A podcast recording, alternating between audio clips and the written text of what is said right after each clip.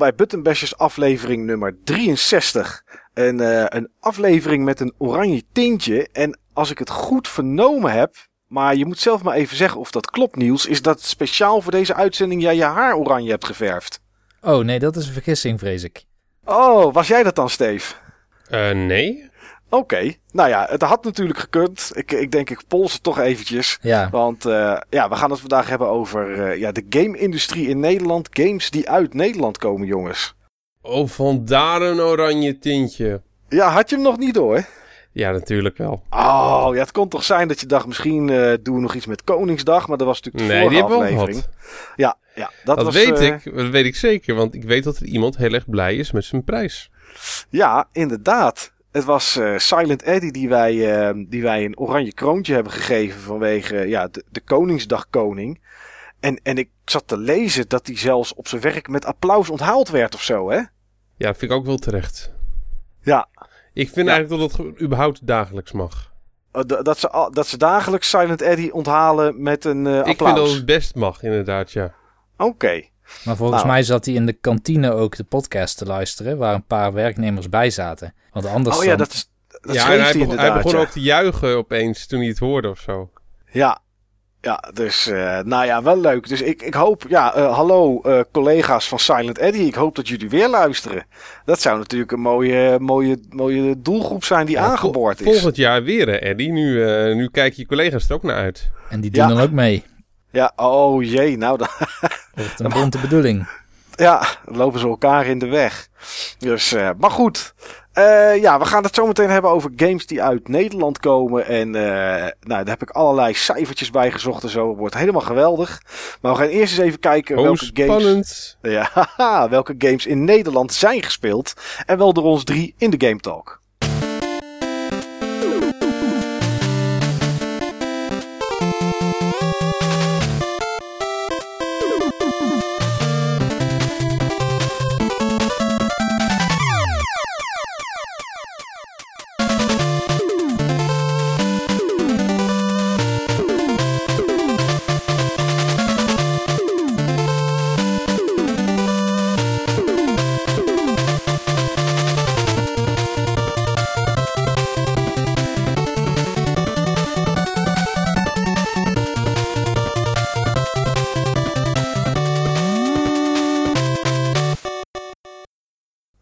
Steve, Ja. ik ben enorm benieuwd. Want in de vorige podcast was jij je, je Wii U controller aan het opladen. Ja.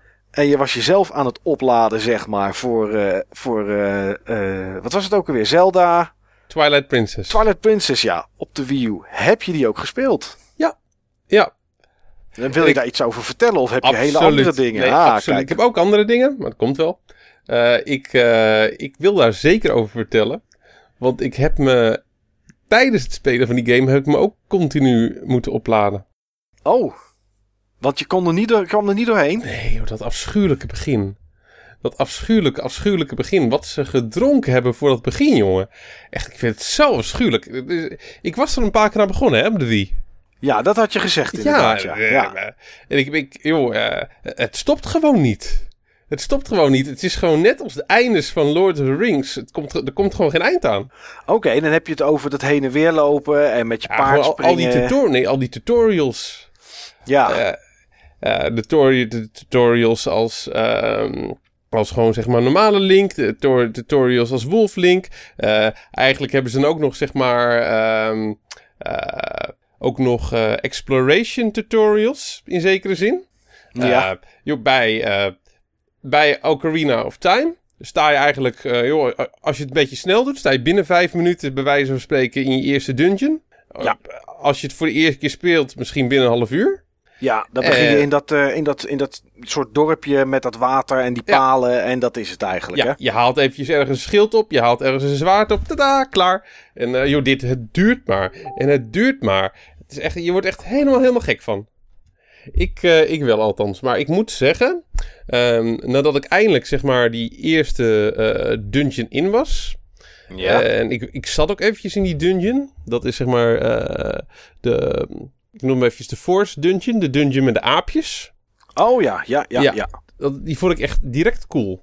Met die aapjes die je moet verzamelen en moet wapperen en zo voor die bruggen die draaien, dat Ja, toch? Inderdaad, ja. Dus ehm, ik kwam op een gegeven moment ook ergens nog vast eh, te zitten in, eh, in die dungeon. En ik wou per se niet op internet kijken om eruit te komen. En het was uiteindelijk ook gelukt. Geeft dat altijd geeft- een goed gevoel. Dat geeft altijd een goed gevoel. Ja. En ik vond, ehm, ik vond de mini-boss fight en de normale boss fight vond ik wel cool. Dus eh, nee, ik was, ik was toen wel positief. Maar ik moet wel zeggen, daarvoor, los van, dat, los van die tutorial, er waren nog wel dingetjes waar ik echt, die me tegenvielen. Oké, noem, eens, noem eens zoiets. Ja, controls.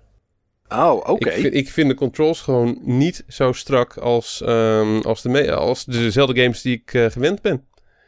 En ik, ehm, ik weet nou eigenlijk nog niet waar het aan ligt. Of het nou ligt aan, eh, aan de remake of aan. ehm, of überhaupt aan eh, Twilight Princess. Maar ik, ik had best wel veel camera-issues.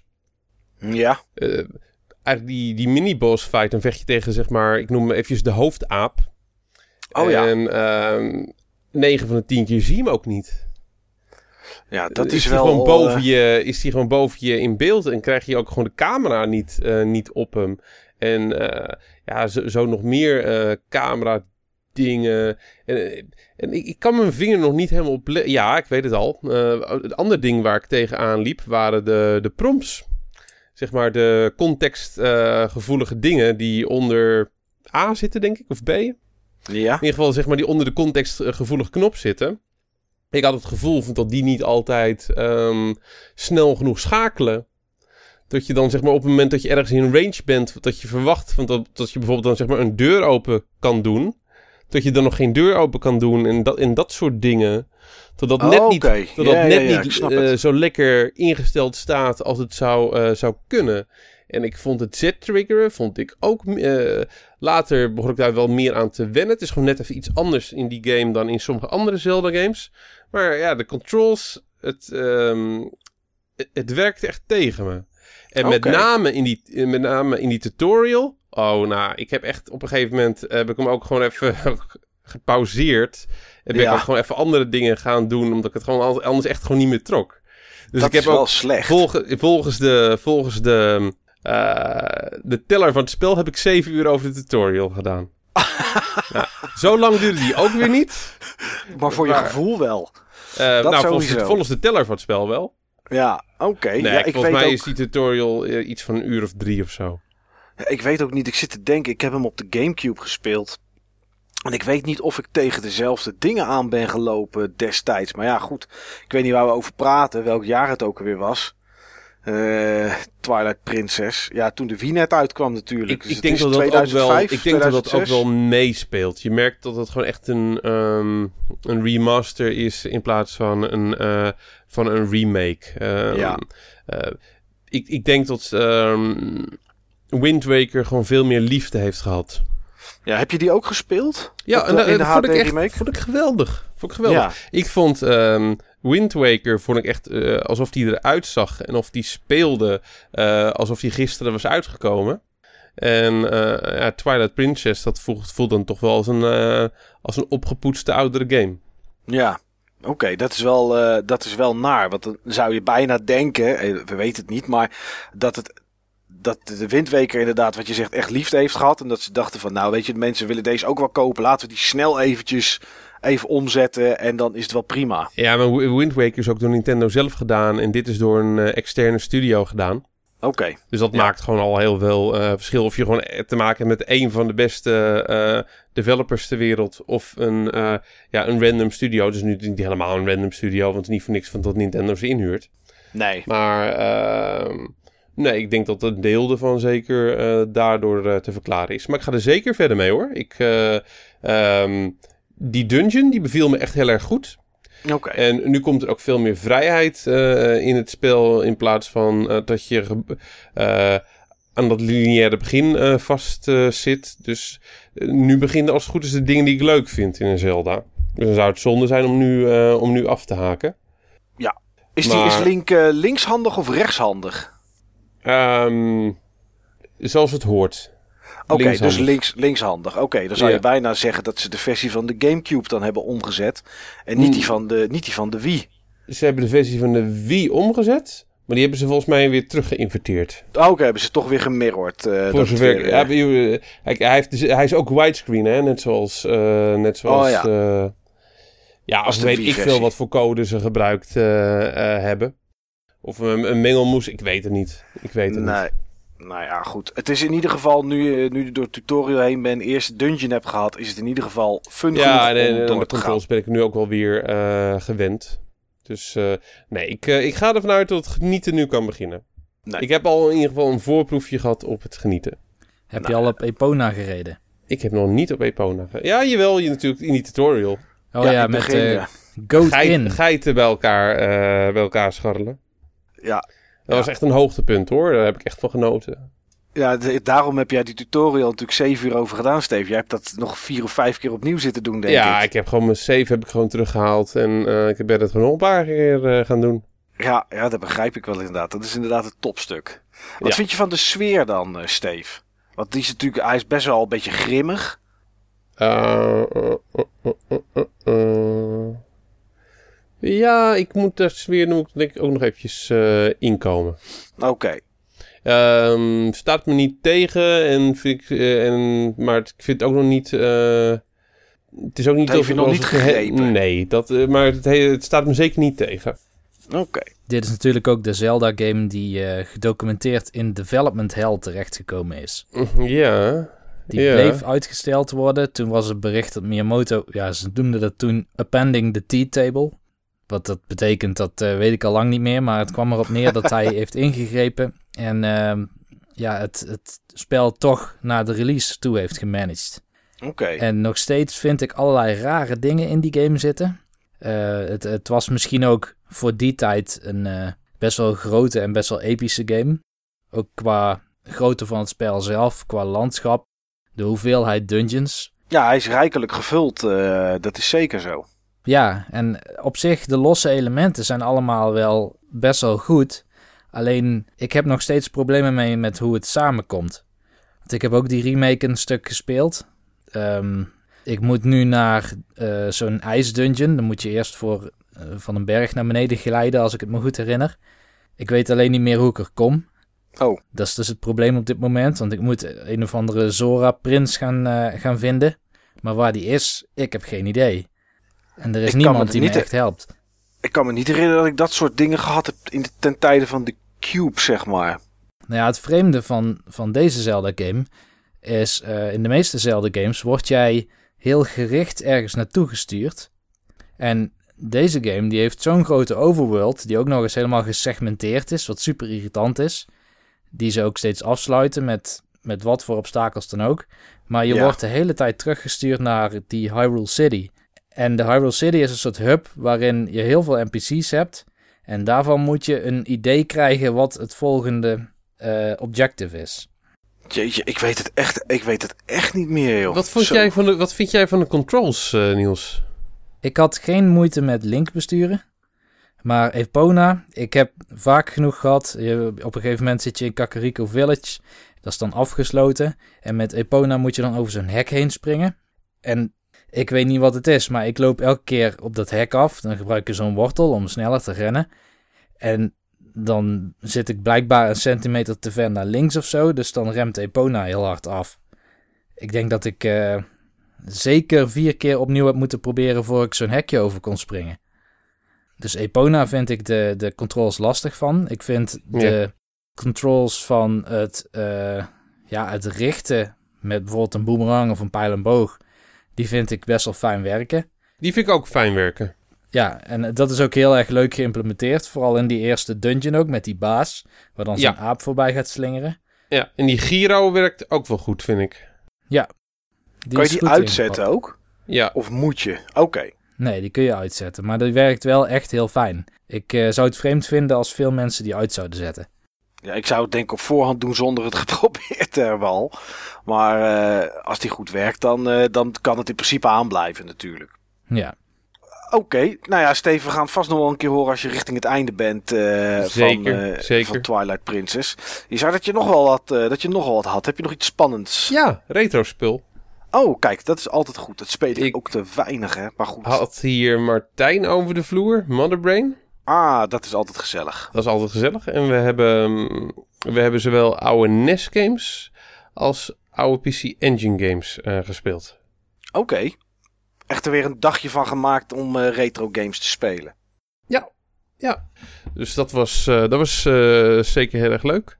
Ehm, we hebben een beetje arcade-titels zitten spelen op de NES. Ja, waar moeten we dan aan denken? Ehm, onder andere Popeye en Mario Bros. Classic. Oh ja. En dan zeg maar die tweede uitvoering van Mario Bros. eh, Classic. Van dat je zeg maar ook Mario eh, in de lucht eh, kan draaien. Ja. Dus waren we best wel ver gekomen. We hebben het echt geprobeerd om het co-op te spelen. Dus niet echt de punten van elkaar pakken, wel als je de kans had. Maar echt gewoon om samen zo ver mogelijk te komen. En dat was wel heel, heel erg leuk. Het ging ook wel goed. Op het eind eh, ging ik wel een paar keer dood. Dus Martijn had dan zeg maar heel veel levens over. En dan kwam hij nog echt vet ver mee. Maar Martijn is natuurlijk een enorm goede NES-speler. Ja, zeker. Maar in Popeye, Oh. in Ja. Popeye ging het toch echt eh, heel erg gelijk op en heb ik uiteindelijk meer punten gehaald. In Popeye was jij de Brutus. In Popeye was ik de Brutus. Want. Popeye was mijn eerste NES-game, dus eh, dat, dat zat nog wel redelijk in mijn muscle memory. Oh, dat is wel nice. Ja, ik vind dat best een leuke game, die Popeye voor de NES. Ja, is ook een leuke game. Dat ehm, is zeker een onderschat spel. Ik vind het denk ik de leukste van die Blackbox games. Dat denk ik ook wel. Nou, die Mario, ja, de- ik wou zeggen Mario Bros. die is ook wel leuk, maar ik zei, joh, ik heb dus niet het origineel zitten spelen. Dus, Oh ja, ehm, Balloon Fight is trouwens ook leuk. Ja, die is wel lastig qua besturing, eh, vind ik. Die moet je wel even, echt even leren. Maar dat vind ik wel echt een, eh, een leuk spel qua spelconcept, eh, Balloon Fight. Ja. Die vind ik wel echt origineel. En ehm, wat we verder nog eh, gespeeld hebben... eh, ik, ik sla gewoon heel veel dingen over, maar er is eentje die ik echt nog eruit wil lichten. Dat is toch Eh, goed? die, eh, daar hebben we, nou hebben we, daar heeft Martijn alle levels van, eh, van eh, gehaald op het, op het finale level na. Dat was ehm, Lord of Thunder. Oh of Winds of Thunder op de PC Engine. ja, super vet. Ja, Het die zegt is me zo even vet. niks. Zo Dat- vet. Dat is een, eh, een shooter waarin je een soort engel speelt. En eh, aan het begin van het, eh, van het level kun je kiezen welke armor je wilt. En dat bepaalt je upgrades. En je hebt ook een store waarin je, je verzamelt zeg maar ook een soort van kristallen in de levels. En dan kun je in de store kun je daar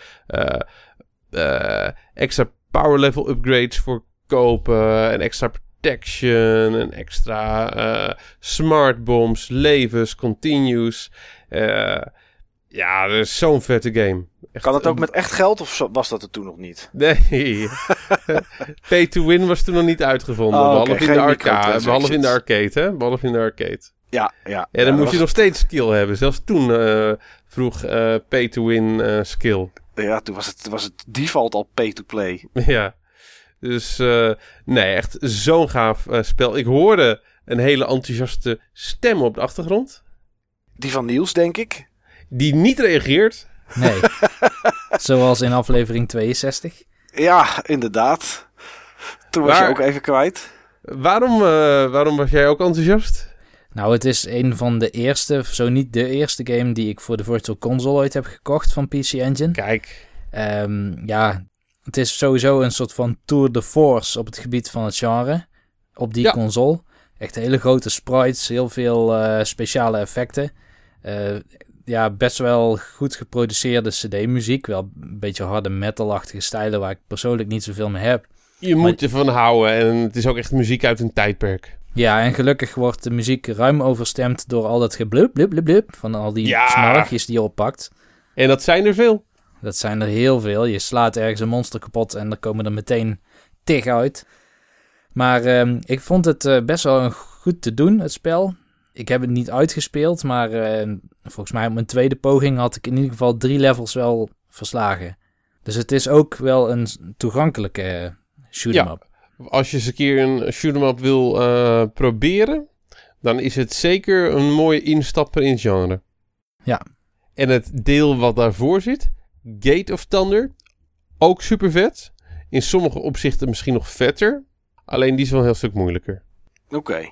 Zijn er nog meer delen uit deze reeks eh, uitgekomen? Niet dat ik weet. Misschien wel eigenlijk, maar niet dat ik weet. Volgens mij niet. Wie heeft het gemaakt? Eh, Hudson weer? Want daar kwamen we de vorige keer achter. Als je PC Engine hebt, zeg je eigenlijk eh, standaard Hudson. Ik zeg maar gewoon ja. Ja. Maar dat moet ik... maar dat... ehm, ja, Hudson. Oké. Kijk, Ik heb zijn het ze even weer. gecheckt. Ja, nou, dat is, eh, dat is netjes. Dan eh, is dat in ieder geval eh, in evenwicht, zeg maar. PC Engine Hudson en. Red Entertainment. Oké. Nou, nice. Wel in ieder geval weer een, een, een, een, een middagje, dagje retro gespeeld, ja, tegenwoordig is Red Entertainment van Ubisoft. Oké, nou dan weten we in ieder geval dat we nooit een vervolg gaan zien. Ja, en dat zijn eh, ook de makers van Gungrave. En, en dat eh, is wel interessant eh, voor ons om te weten, eh, Niels, Oh. ook de makers van Fire Emblem Awakening. Kijk aan. Kwaliteit. Ja, dat, eh, dat vind ik wel heel cool. Nou, dat is wel nice. En nu je het toch over Fire Emblem Awakening hebt en Niels zegt... Ja. Ja, Ja, Niels. daarom zei ik het ook. Ah, Ja. het is weer zo'n bruggetje. Ja, ik wou Ja, net dit is zeggen. geen bruggetje, dit is gewoon een, eh, een brug. Een lay-up. Ja. Ja, inderdaad. Je hoeft hem alleen nog maar in te koppen. Oké. Want Ik moet zeggen, ik heb er nog niet al te veel tijd in zitten. Een uur of zes op dit moment. eh, je hebt ook alleen de tutorial gedaan dus. Eh, ja, dan ben je wel de tutorial voorbij. Het is nog niet zo ver dat ik echt heel veel van de game heb gezien. Sowieso, het zijn drie games, want zowel Steve als ik hebben de Special Edition. En wat is die mooie, Niels? Nou, behoorlijk inderdaad.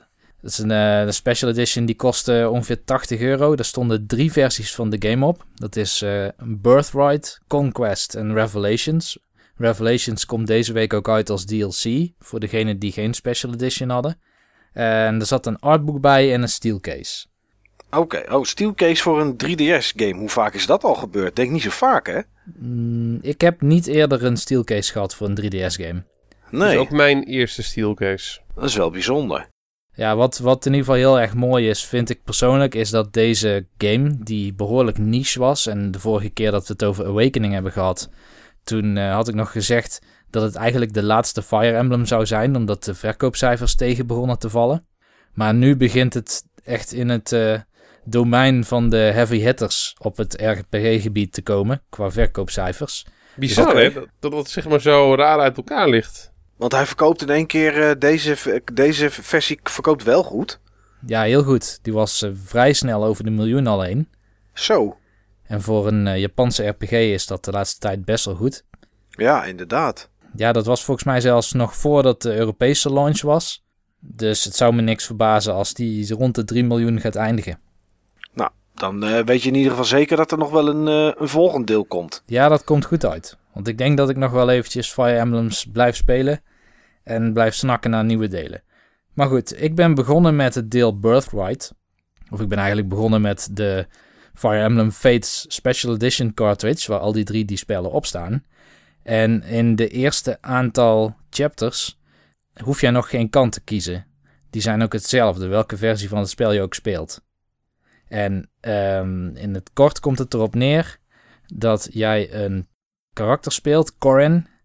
Die kun je helemaal customizen tegenwoordig. Je, je kan er een man van maken, een vrouw, het haar op verschillende manieren eruit laten zien met verschillende kleuren en de ogen. En van alles kun je tweaken, tot en met het geluid wat ze maken. Dat vind jij leuk, hè, Niels? Nou, ik heb er eh, dan maar eh, gewoon een vrouw van gemaakt. Die lijkt op de Corin die in Smash Brothers zit als je die op alt costume zet. en waarom? Omdat het kan. Ja, Maar nou, valide ehm, genoeg. ja, dus in mijn geval is Corin is een prinses. Die is opgegroeid in het koninkrijk Noor. En Noor is een soort, ja, ehm, donker Europese provincie. Zo zou ik het denk ik noemen. Zoals we wel meer gewend zijn ook van de Fire Emblem serie. En daartegenover heb je een ander koninkrijk, dat heet Hoshido. En dat is juist een heel Japans gebied. En dat is nieuw voor Fire Emblem, want in Fire Emblem heb je eigenlijk altijd Europese settings gehad. Tot nu toe. Ik kan me geen enkele setting meer herinneren die niet ging over kastelen en, en ridders en veldslagen. Maar Ik in dit geval... ken, ik ken alleen Fire Emblems, Fire Emblems met een Europese fantasy setting. Ja, inderdaad. Zou daar een reden voor zijn dat ze dat doen en nooit iets Japans nemen? De reden is denk ik dat alle Fire Emblems in principe in dezelfde wereld zich afspelen. Maar Ja, in andere tijden en in andere delen van die wereld. Ja oké. Ze hebben één keer voor deze setting gekozen, dus nu moeten ze wel. Dat denk ik. Dus het vreemde is ook, wat doet dat Hoshido daar ineens? Maar goed, uh, misschien hebben ze dat gedaan omdat het een leuke frisse afwisseling was met de vorige Fire Emblem delen. Of er zit toch nog ergens een stuk verhalen eh, in waarom dat er staat. Maar ja, daar ben je nog niet achter na zes uur. Dat is niet binnen de eerste elf chapters. volgens mij heb je wel verschillende continu continuities qua Fire Emblem hoor. Ja? Volgens mij zitten er wel wat. Uh, volgens mij speelt het zich niet allemaal in dezelfde wereld. Een deel ervan speelt in dezelfde. Je hebt een aantal delen die in dezelfde wereld spelen steeds. En, maar, maar ze spelen volgens mij niet allemaal in dezelfde wereld. Dat zou kunnen. Ik weet in ieder geval wel dat dit in een wereld afspeelt die we al kennen. Oké, en je weet niet uit welk, uh, welk ander deel dat dan is? Nee, omdat je ook niet echt in dat gebied komt. Ah, maar dan zit dus- je in een buurland van een land waar een vorig deel zich afspeelde. Ja, dus eigenlijk maakt het ook niet uit. Nee, het maakt ook niet uit. Maar voor de consistentie is het natuurlijk wel leuk. Ja. Maar Hoshido is in ieder geval wat meer Japans, of in ieder geval zeer Aziatisch. Qua architectuur, qua de, de rollen die je ziet. Je hebt nu bijvoorbeeld ninjas en uh, samurai. En samurai kwam volgens mij al wel eerder voor ooit. Maar uh, je hebt dus ook veel nieuwe wapens. Werpsterren. Uh, yomi, dat zijn een soort bogen. En het verhaal begint met dat je erop uit wordt gestuurd door de koning, je vader, om Hoshido aan te vallen. Of in ieder geval om een soort uitkijkpost in beveiliging te stellen. Mag ik je heel even onderbreken, Niels? Ja? Speel jij Birthright of Conquest? Ik ben op een gegeven moment in het pad van Birthright gaan spelen. Oké, maar dat kies je niet van tevoren dan of zo? Nee, dat gebeurt pas na, na zes chapters ongeveer. En kan het dan ook nog zo zijn dat in Conquest dat je dan in, in Hoshitoshi of hoe dat andere ding heet, dat je dan daar die kant van het verhaal speelt? Of werkt het niet zo? Nou, in Birthright speel je de kant van Hoshido. Oh, die speel je, oké. Ja, want je komt op een gegeven moment in Hoshido uit en daar gebeurt dan iets. En um, na een aantal chapters moet jij de keuze maken van welk land ga ik steunen. Steun ik Hoshido die jou best wel vriendelijk ontvangen en die beweren familie van je te zijn? Of steun je Noor? En dat is een koninkrijk met mensen waarmee je bent opgegroeid en die ook claimen je familie te zijn. Hmm. Dat klinkt een beetje als een aflevering van Dr. Phil. Maar dit is dan een keuze die specifiek voor de special edition is.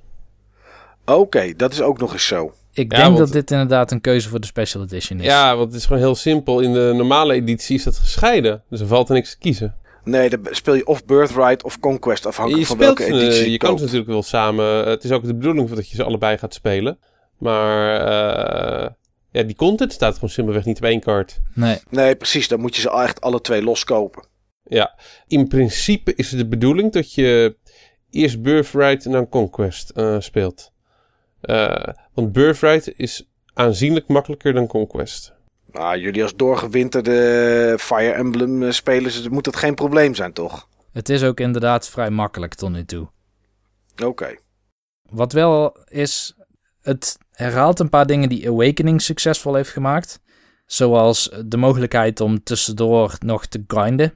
Met battles die, zich, uh, die je op een map kan selecteren. En wat het ook nog gebruikt van Awakening zijn die gevechten in paren. Als je twee units naast elkaar zet en ze hebben een soort affinity met elkaar, dan kan het zijn dat ze samen een attack doen op een vijand.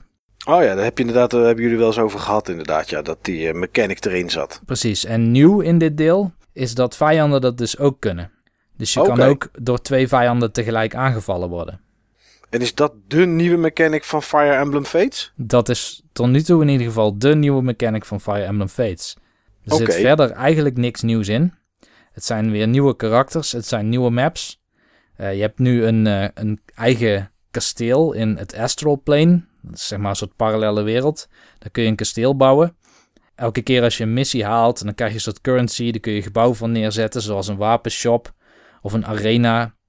Of een, een loterijgebouw waar je dan random wapens kan winnen. Of random ingrediënten om iets anders mee te doen. En daar zit ook een soort draakje, Lilith. En dat draakje kun je eten geven na elke missie. En dan groeit die ook in stats. Maar je kan die verder niet als playable character gebruiken. Maar dat is een soort, ja... Een soort Tamagotchi. Het komt over als een Tamagotchi. Maar het ding met die kastelen is dat je ook town of castle battles kan hebben. En dan kan het zijn dat, volgens mij is dat ook met Street Pass of zo, dat een, een leger van een andere speler jouw kasteel kan aanvallen en vice versa. Ah, en daar zal die draak dan wel in play komen waarschijnlijk. Ja, want volgens mij gaan een aantal van die units meteen naar die draak toe en die gaan erop slaan. En die draak die doet bij mij in ieder geval helemaal niks terug.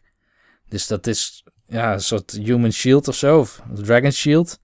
Maar ik heb wel het idee dat die op een gegeven moment wel nuttig gaat zijn in het spel. Nou, je mag toch aannemen als je er eh, resources in kan stoppen, dat die ook een keer uh, dat wordt terugbetaald. Ja, ik, uh, ik hoop het. Maar een ander ding wat deze Fire Emblem goed doet, en ik, volgens mij heb ik toen bij Awakening ook gezegd dat de presence best wel goed voelt in het spel. Uh, normaal had je in Fire Emblem games dat jij in een omgeving was, uh, bijvoorbeeld in een kasteel. En dan kun jij een vijand aanvallen of je wordt aangevallen. En dan krijg je een soort ja, afgesloten omgeving waarin dat gevecht zich dan plaats gaat vinden. En die omgeving die lijkt wel op waar je bent, maar het is niet precies die plaats. Oké, okay, en ja, in ja, ja. Uh, Awakening hebben ze één stap gemaakt om dat al iets beter te maken. Dus als je dan net buiten het kasteel was, dan kreeg je een buitenomgeving. Was je in het kasteel, kreeg je een kasteelomgeving. En misschien had je daar ook wel weer verschillen tussen. Dat je als, als je bijvoorbeeld in de troonzaal bent, dat je dan in de troonzaal bent. Maar in deze Fire Emblem zoomt de camera gewoon heel snel in op de battle. En die vindt zich dan ook echt plaats op het punt waar die camera op dat moment is. Dus je, de brug staat er, de gebouwtjes waar je in de buurt stond, die staan in de achtergrond. Mag ook wel een keer na negen delen of zo. Ja, misschien wel. Oké. Okay. Nou ja, voor, voor iemand die het zes uurtjes of zeven uurtjes gespeeld hebt, Niels, uh, heb je toch al wel redelijk iets kunnen vertellen. Ja, misschien wel. Maar dit is in ieder geval mijn eerste indruk. Ja. En ik ga nog zeker uh, heel veel meer spelen. Ik uh, ben ontzettend toegewijd aan het spel. Elke keer als ik ook maar heel even een momentje heb, dan start ik het weer op.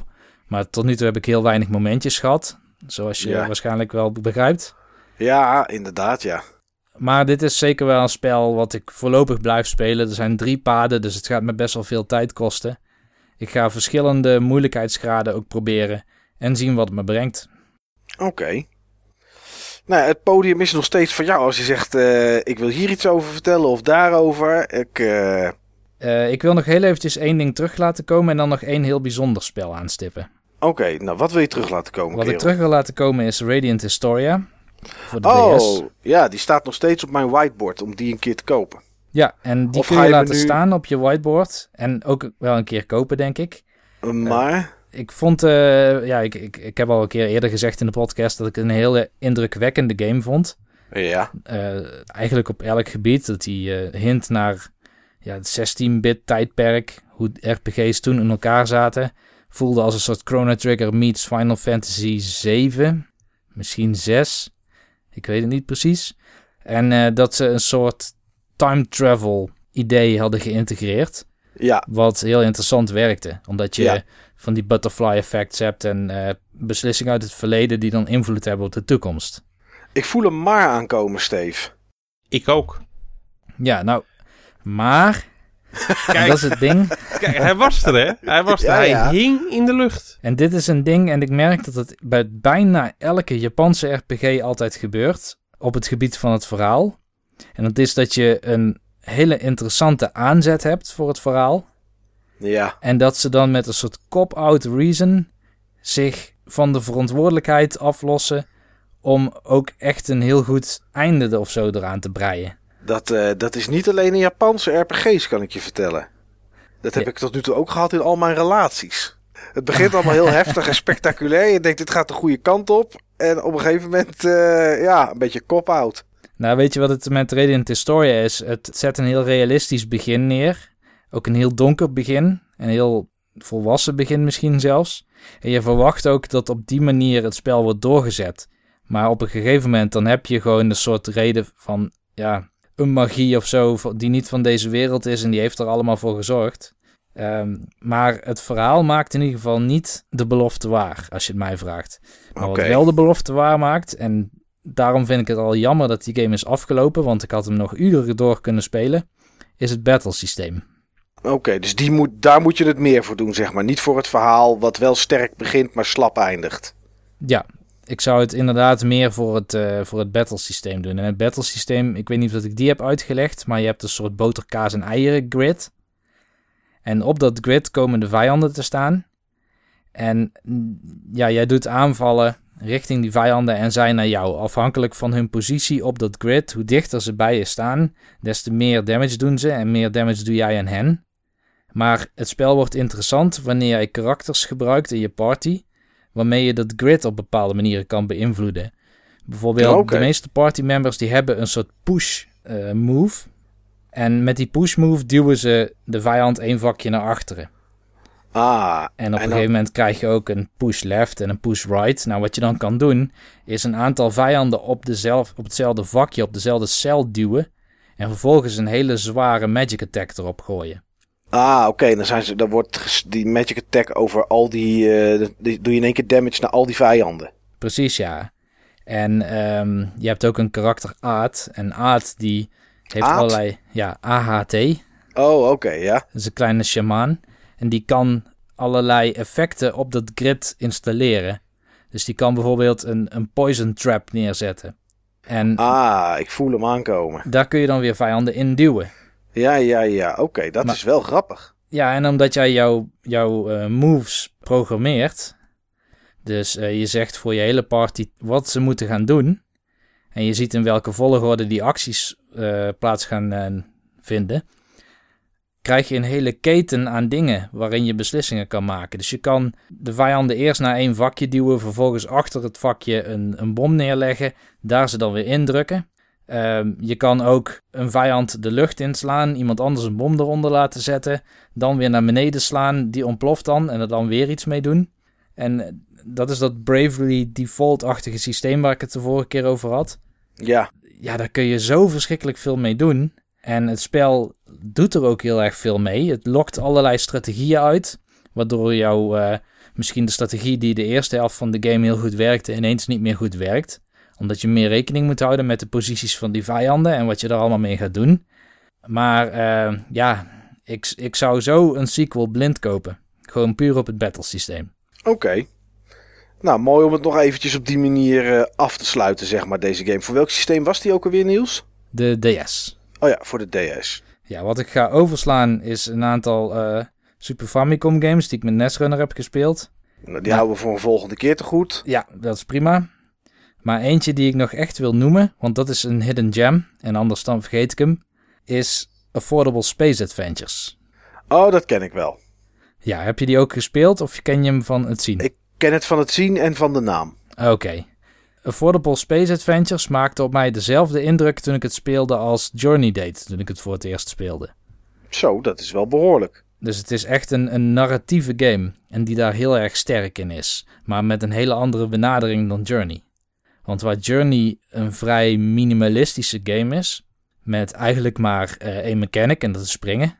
Heb je juist in deze game wel best wel veel mechanics. En wat het leuke is, is je kan deze co-op spelen. En ik raad zelfs aan om hem co-op te spelen. Oh, wacht even, wacht even, wacht even. Ik heb dit wel gespeeld. Op de Wii U heb ik dit gespeeld. Klopt, dat zal hem zijn. Ja, ja, ik, ik, zit, ik denk, ik zoek het toch even op, want ik denk, ik twijfel. En, eh, maar ik heb dit gespeeld inderdaad. Affordable Space Adventures, ja. Weet je nog welke rol je had in het spel? Of speelde je het in je eentje? Ik speelde het in mijn eentje. Oké, ik speelde het in mijn, in mijn eentje. Dus ik was zeg maar ja, de bestuurder van het scheepje was ik. Ja. Nou, Affordable Space Adventures, om een korte inleiding te geven, is een game ehm, wat zich afspeelt in een soort toekomst waarin jij bij wijze van vakantie gewoon een spaceship kan huren en dan een planeet kan ontdekken en vervolgens dan weer naar huis gaat. Daar betaal je voor. Het is een soort attractie zoals die ballen in, eh, in eh, Jurassic World. Ja, Zoiets Inderdaad. kun je het zien. Ehm, en dat is allemaal heel veilig, dat wordt je gegarandeerd. Dat het echt eh, geen probleem is om, om aan deze adventure deel te nemen. Eh, en je krijgt een spaceship en dat is echt zo'n soort dinky toy. Het, het heeft een fuel engine en als je die start, dan moet je hem bij wijze van spreken nog choken ook. ja. Dat is ja het is, eh, het is een heel, heel krakkemikkig dingetje, zeg maar. Hetzelfde als je, ja, als je zeg maar een fiets zou huren in Spanje of Mallorca. Zo. Eh, Weet je, het, is, het, is, ja, het, het doet het nog net aan. Maar dat is het ook. Ja, precies. Ehm, en eh, ik speelde het spel met twee spelers. Ik wil hem nog een keer doen met eh, drie spelers. En ik ga DLC ook nog een keer kopen binnenkort. Maar met twee spelers of drie spelers, dan verdeel je een aantal van de verantwoordelijkheden van het besturen van dat schip. Dus wat ik bijvoorbeeld deed, is ik had de gamepad. En op de gamepad heb je een display met allerlei apparatuur van dat scheepje. Ja, metertjes en zo en, en controls en dat soort dingen. Precies, dus je hebt dan eh, bijvoorbeeld überhaupt het starten van de fuel engine, en thrust en een stabilizer en een eh, mass generator. En op een gegeven moment unlock je ook een, eh, een electric engine. En die heeft dan bijvoorbeeld een anti-gravity en een decelerator. En al die functies hebben dan ook weer submenu's waarin je dan weer in kan stellen hoe hard iets moet staan of hoe zacht. Ja, En over het algemeen wissel je tussen al die functies van dat schip om eh, uitdagingen te overkomen. En een uitdaging kan zijn dat ergens een soort, soort camera hangt of, of een kanon staat. En dat kanon dat ehm, reageert bijvoorbeeld op eh, geluid, hitte en elektriciteit. En ehm, jij moet dan proberen om zodanig de features van het schip in te stellen, zodanig de, ja, de juiste motor aan te zetten en eh, niet eh, te hard te gaan. Eh, zorgen dat je weinig hitte produceert, de heat shields open, het goede landingsgestel uit en zo zitten van die flight simulator-achtige details zitten erin. Om niet te veel geluid te maken, onder een bepaald hitteniveau te blijven en ehm, niet te veel elektriciteit te gebruiken. Je ziet ook wat je überhaupt mag. En dat was mijn functie. En ik kon met mijn stickje nog een zaklamp bewegen. En eh Netrunner van het forum, die vloog. Dus die had zelf een, eh, een Wii-remote en een nunchuk. En hij deed de controls van het schip zelf. Het, überhaupt het bewegen door de wereld. En ehm, dit alles is verpakt in een aantal uitdagingen waarin je zo goed met elkaar moet afspreken wat er gaat gebeuren. Je moet elkaar op de hoogte brengen van wat jouw persoonlijke uitdaging is. Je moet samen die uitdagingen overkomen, ook al bestuur je echt maar één schip. Dat is echt super indrukwekkend gedaan. Ja, ja, want je hebt bijvoorbeeld ergens een plek en da- daar moet je wel doorheen. Maar eh, je mag helemaal geen geluid maken. En dan, ja, dan moet de een de motor uitzetten. En eh, eh, in jouw geval dan, en toen Ja. ik, ik speelde het alleen, dan zet de een de motor uit en dan val je naar beneden. Maar dan moet je hem wel op tijd starten. En dan moet, dan moet je ook nog eens sturen. Maar bij jou in dat geval moet je dus afspreken dat je tegen de ander zegt: Ja, je moet nu gaan sturen, want anders val je te pletter. Inderdaad, ja, een, een voorbeeld kan dus zijn dat jij, ehm, eh, je mag geen geluid maken, je mag ook geen elektriciteit gebruiken. Nou, dan valt sowieso de fuel engine en de electric engine al af. Ja. Want de electric engine die gebruikt te veel elektriciteit en de fuel engine die hoor je de hele tijd ronken, die motor. Dat is net zo'n oude oldtimer die je hoort pruttelen, zeg maar. Zo, inderdaad, ja. En toch moet jij voorbij zo'n soort infraroodcamera. Die Ja. onmiddellijk jou doet ontploffen op het moment dat jij ook maar één van die waardes overstijgt. Dus dan moet je met elkaar coördineren. Dan kan ik bijvoorbeeld zeggen van Roel, eh, Roel is dan Nesrunner, vlieg zo hard mogelijk eh, richting die camera. En eh, met, op de fuel engine, dan zet ik net op tijd die fuel engine uit, maar de stabilizer aan, zodat die veel precisie heeft in de controls. Want ik kan ook nog eens instellen hoe nauwkeurig Roel dit, dat ding kan besturen. Maar Ja. ook dat kost dan weer stroom of eh, maakt weer geluid. Of ik kan mid-air in één keer de ene engine afzetten en de andere aanzetten. Maar al dat soort acties moeten gecoördineerd worden. Dus het is ook echt een spel wat buiten het spel ook nog zich afspeelt tussen twee mensen die met elkaar aan het coördineren zijn. En dat is super interessant gedaan. En dat dan ook nog eens in, ja, het zijn echt eh, vrij sterke narratieve elementen. Ik, het is misschien bijna een spoiler om het te zeggen, maar het, op een gegeven moment gaat het gewoon wat minder goed. En het kan zijn dat jouw schip soort van malfunctions begint te vertonen. En dan moet je dus ook met z'n tweeën een antwoord op vinden. Ja, het is echt wel een toffe, toffe game. Eh, ik weet niet, is die er alleen voor de Wii U? Ik geloof het wel, hè? Ja, dit is eh, alleen voor de. Ik zie ook niet hoe ze hem om zouden kunnen zetten, eerlijk gezegd. Nee, want je hebt touchscreen echt, eh, of die gamepad heb je echt nodig, omdat daar de controls op zijn en je daar dingen heel snel aan en uit kan zetten, omdat je natuurlijk overal op die knoppen kan drukken. Ja, Nee, het is echt een toffe game inderdaad, Affordable Space Adventures. Volgens mij heb ik die ook, bedenk ik me net. Het kan zijn als je die, hum, die Humble Bundle hebt, Ja, dan heb je die ook. die heb ik ook inderdaad, ja. Eh, het Het is eh, game. het, het schoot me net te binnen, joh.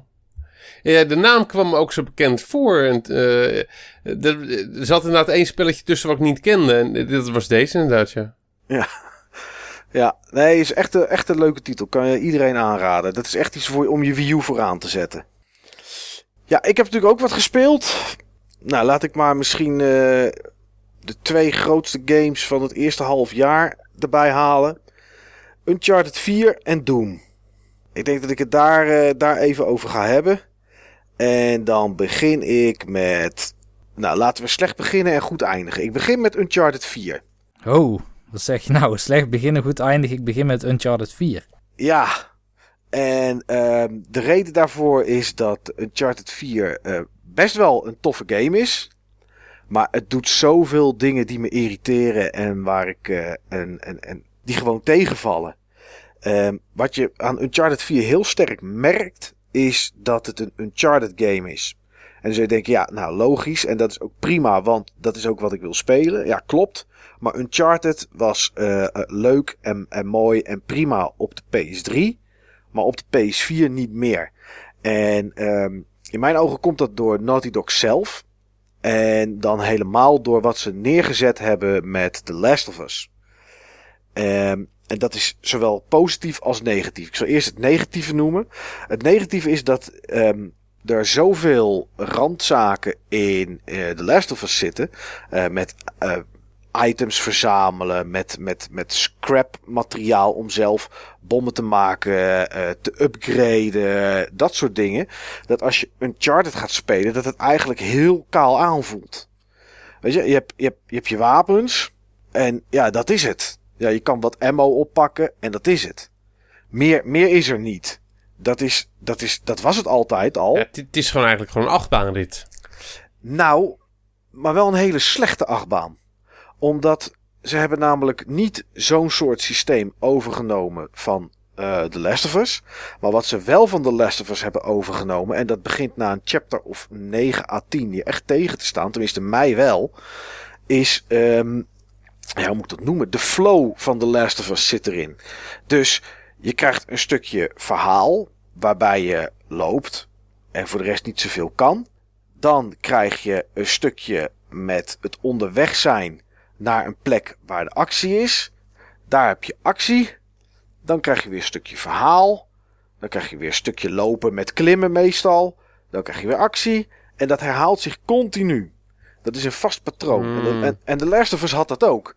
Die had zeg maar... Uh, ja, hè, ze praten om het een beetje, een beetje beetje narratief te maken. Om er meer verhaal in te stoppen. En dat is ze ook wel gelukt. Er zit meer verhaal in The Last of Us 4 uh, sorry, in Uncharted 4. Maar niet zo interessant als The Last of Us. Want ja, het is maar Nathan Drake die een schat gaat zoeken. En als je een eerder deel gespeeld hebt, weet je precies wat je kan verwachten. Uh, uh, de schat vind je nooit in chapter, in chapter 4 of 5. Want dan zou de game afgelopen zijn. Er zijn altijd mensen die, die hem op een of andere manier afpersen. Die hem ook willen. Ja, er zijn er inderdaad mensen die hem ook willen. Die er ook achteraan gaan. Die je tegenkomt. Die in het begin je altijd te slim af zijn. En richting het einde. Nou ja, goed. Vul maar ja. in. Uh, dus dat zit er standaard weer in. Uh, maar dan met ja, het principe van The Last of Us. Stukje verhaal, lopen. Uh, bij The Last of Us was het dan wat dingetjes oppakken en een beetje kijken. Oh, oh, daar komen tegenstanders aan. Nou, die kapot schieten of eromheen of wat dan ook. Hè. Daar had je nog een soort van keuze in bij The Last of Us. En dan kreeg je weer lopen op een rustig niveau, praten. Nou, dat is, dat is wat Uncharted 4 ook is. Alleen, ja, ik ken mensen die hebben de eerste drie met heel veel plezier gespeeld. En die hebben de vierde gewoon uitgezet na een chapter of 8, 9. Het is, uh, ja. Ik, ik vind het wel een aardige game hoor. Het is niet het uh, meest geweldige uh, wat ik dit jaar ga spelen, mag ik hopen. ja, grafisch. Ja, weet je, het, het, is denk ik de mooiste console game die ik ooit heb gezien. Want ze hebben er echt, echt iets heel schitterends uitgehaald. Dat is, dat, dat is zeker zo. Uh, er zit ook, wat mij betreft, de leukste achievement ooit in.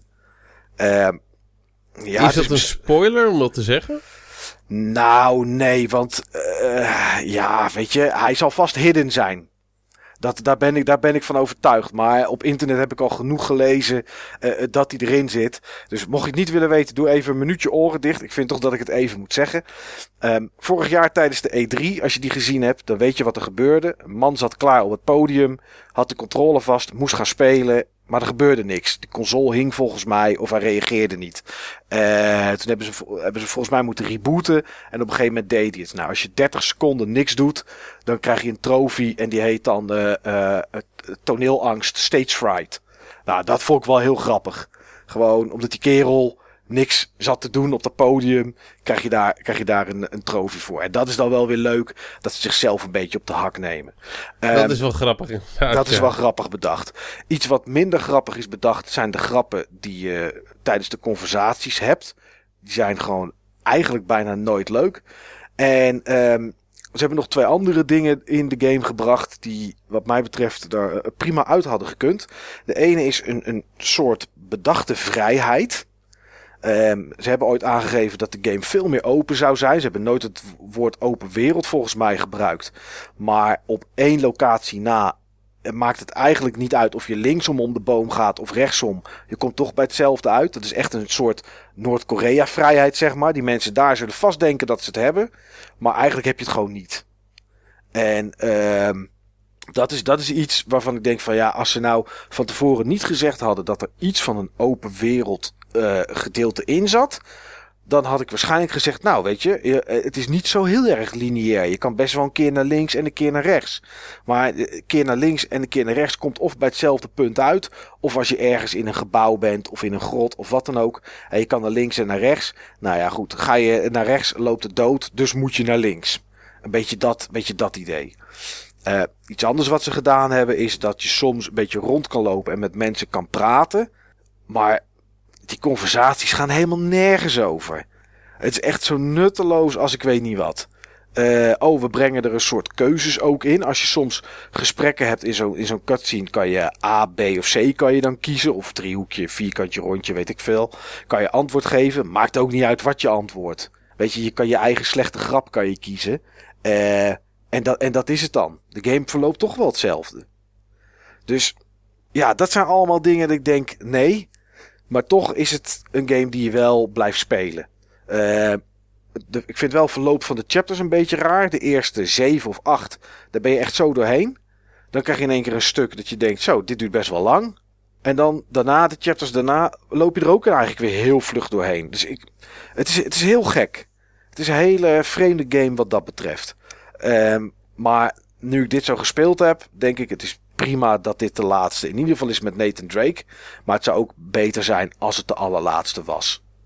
Of ze moeten er echt heel veel aan gaan veranderen met gameplay mechanics die ze erin gaan gooien. Dan, dan zou het best nog wel een keer opnieuw kunnen.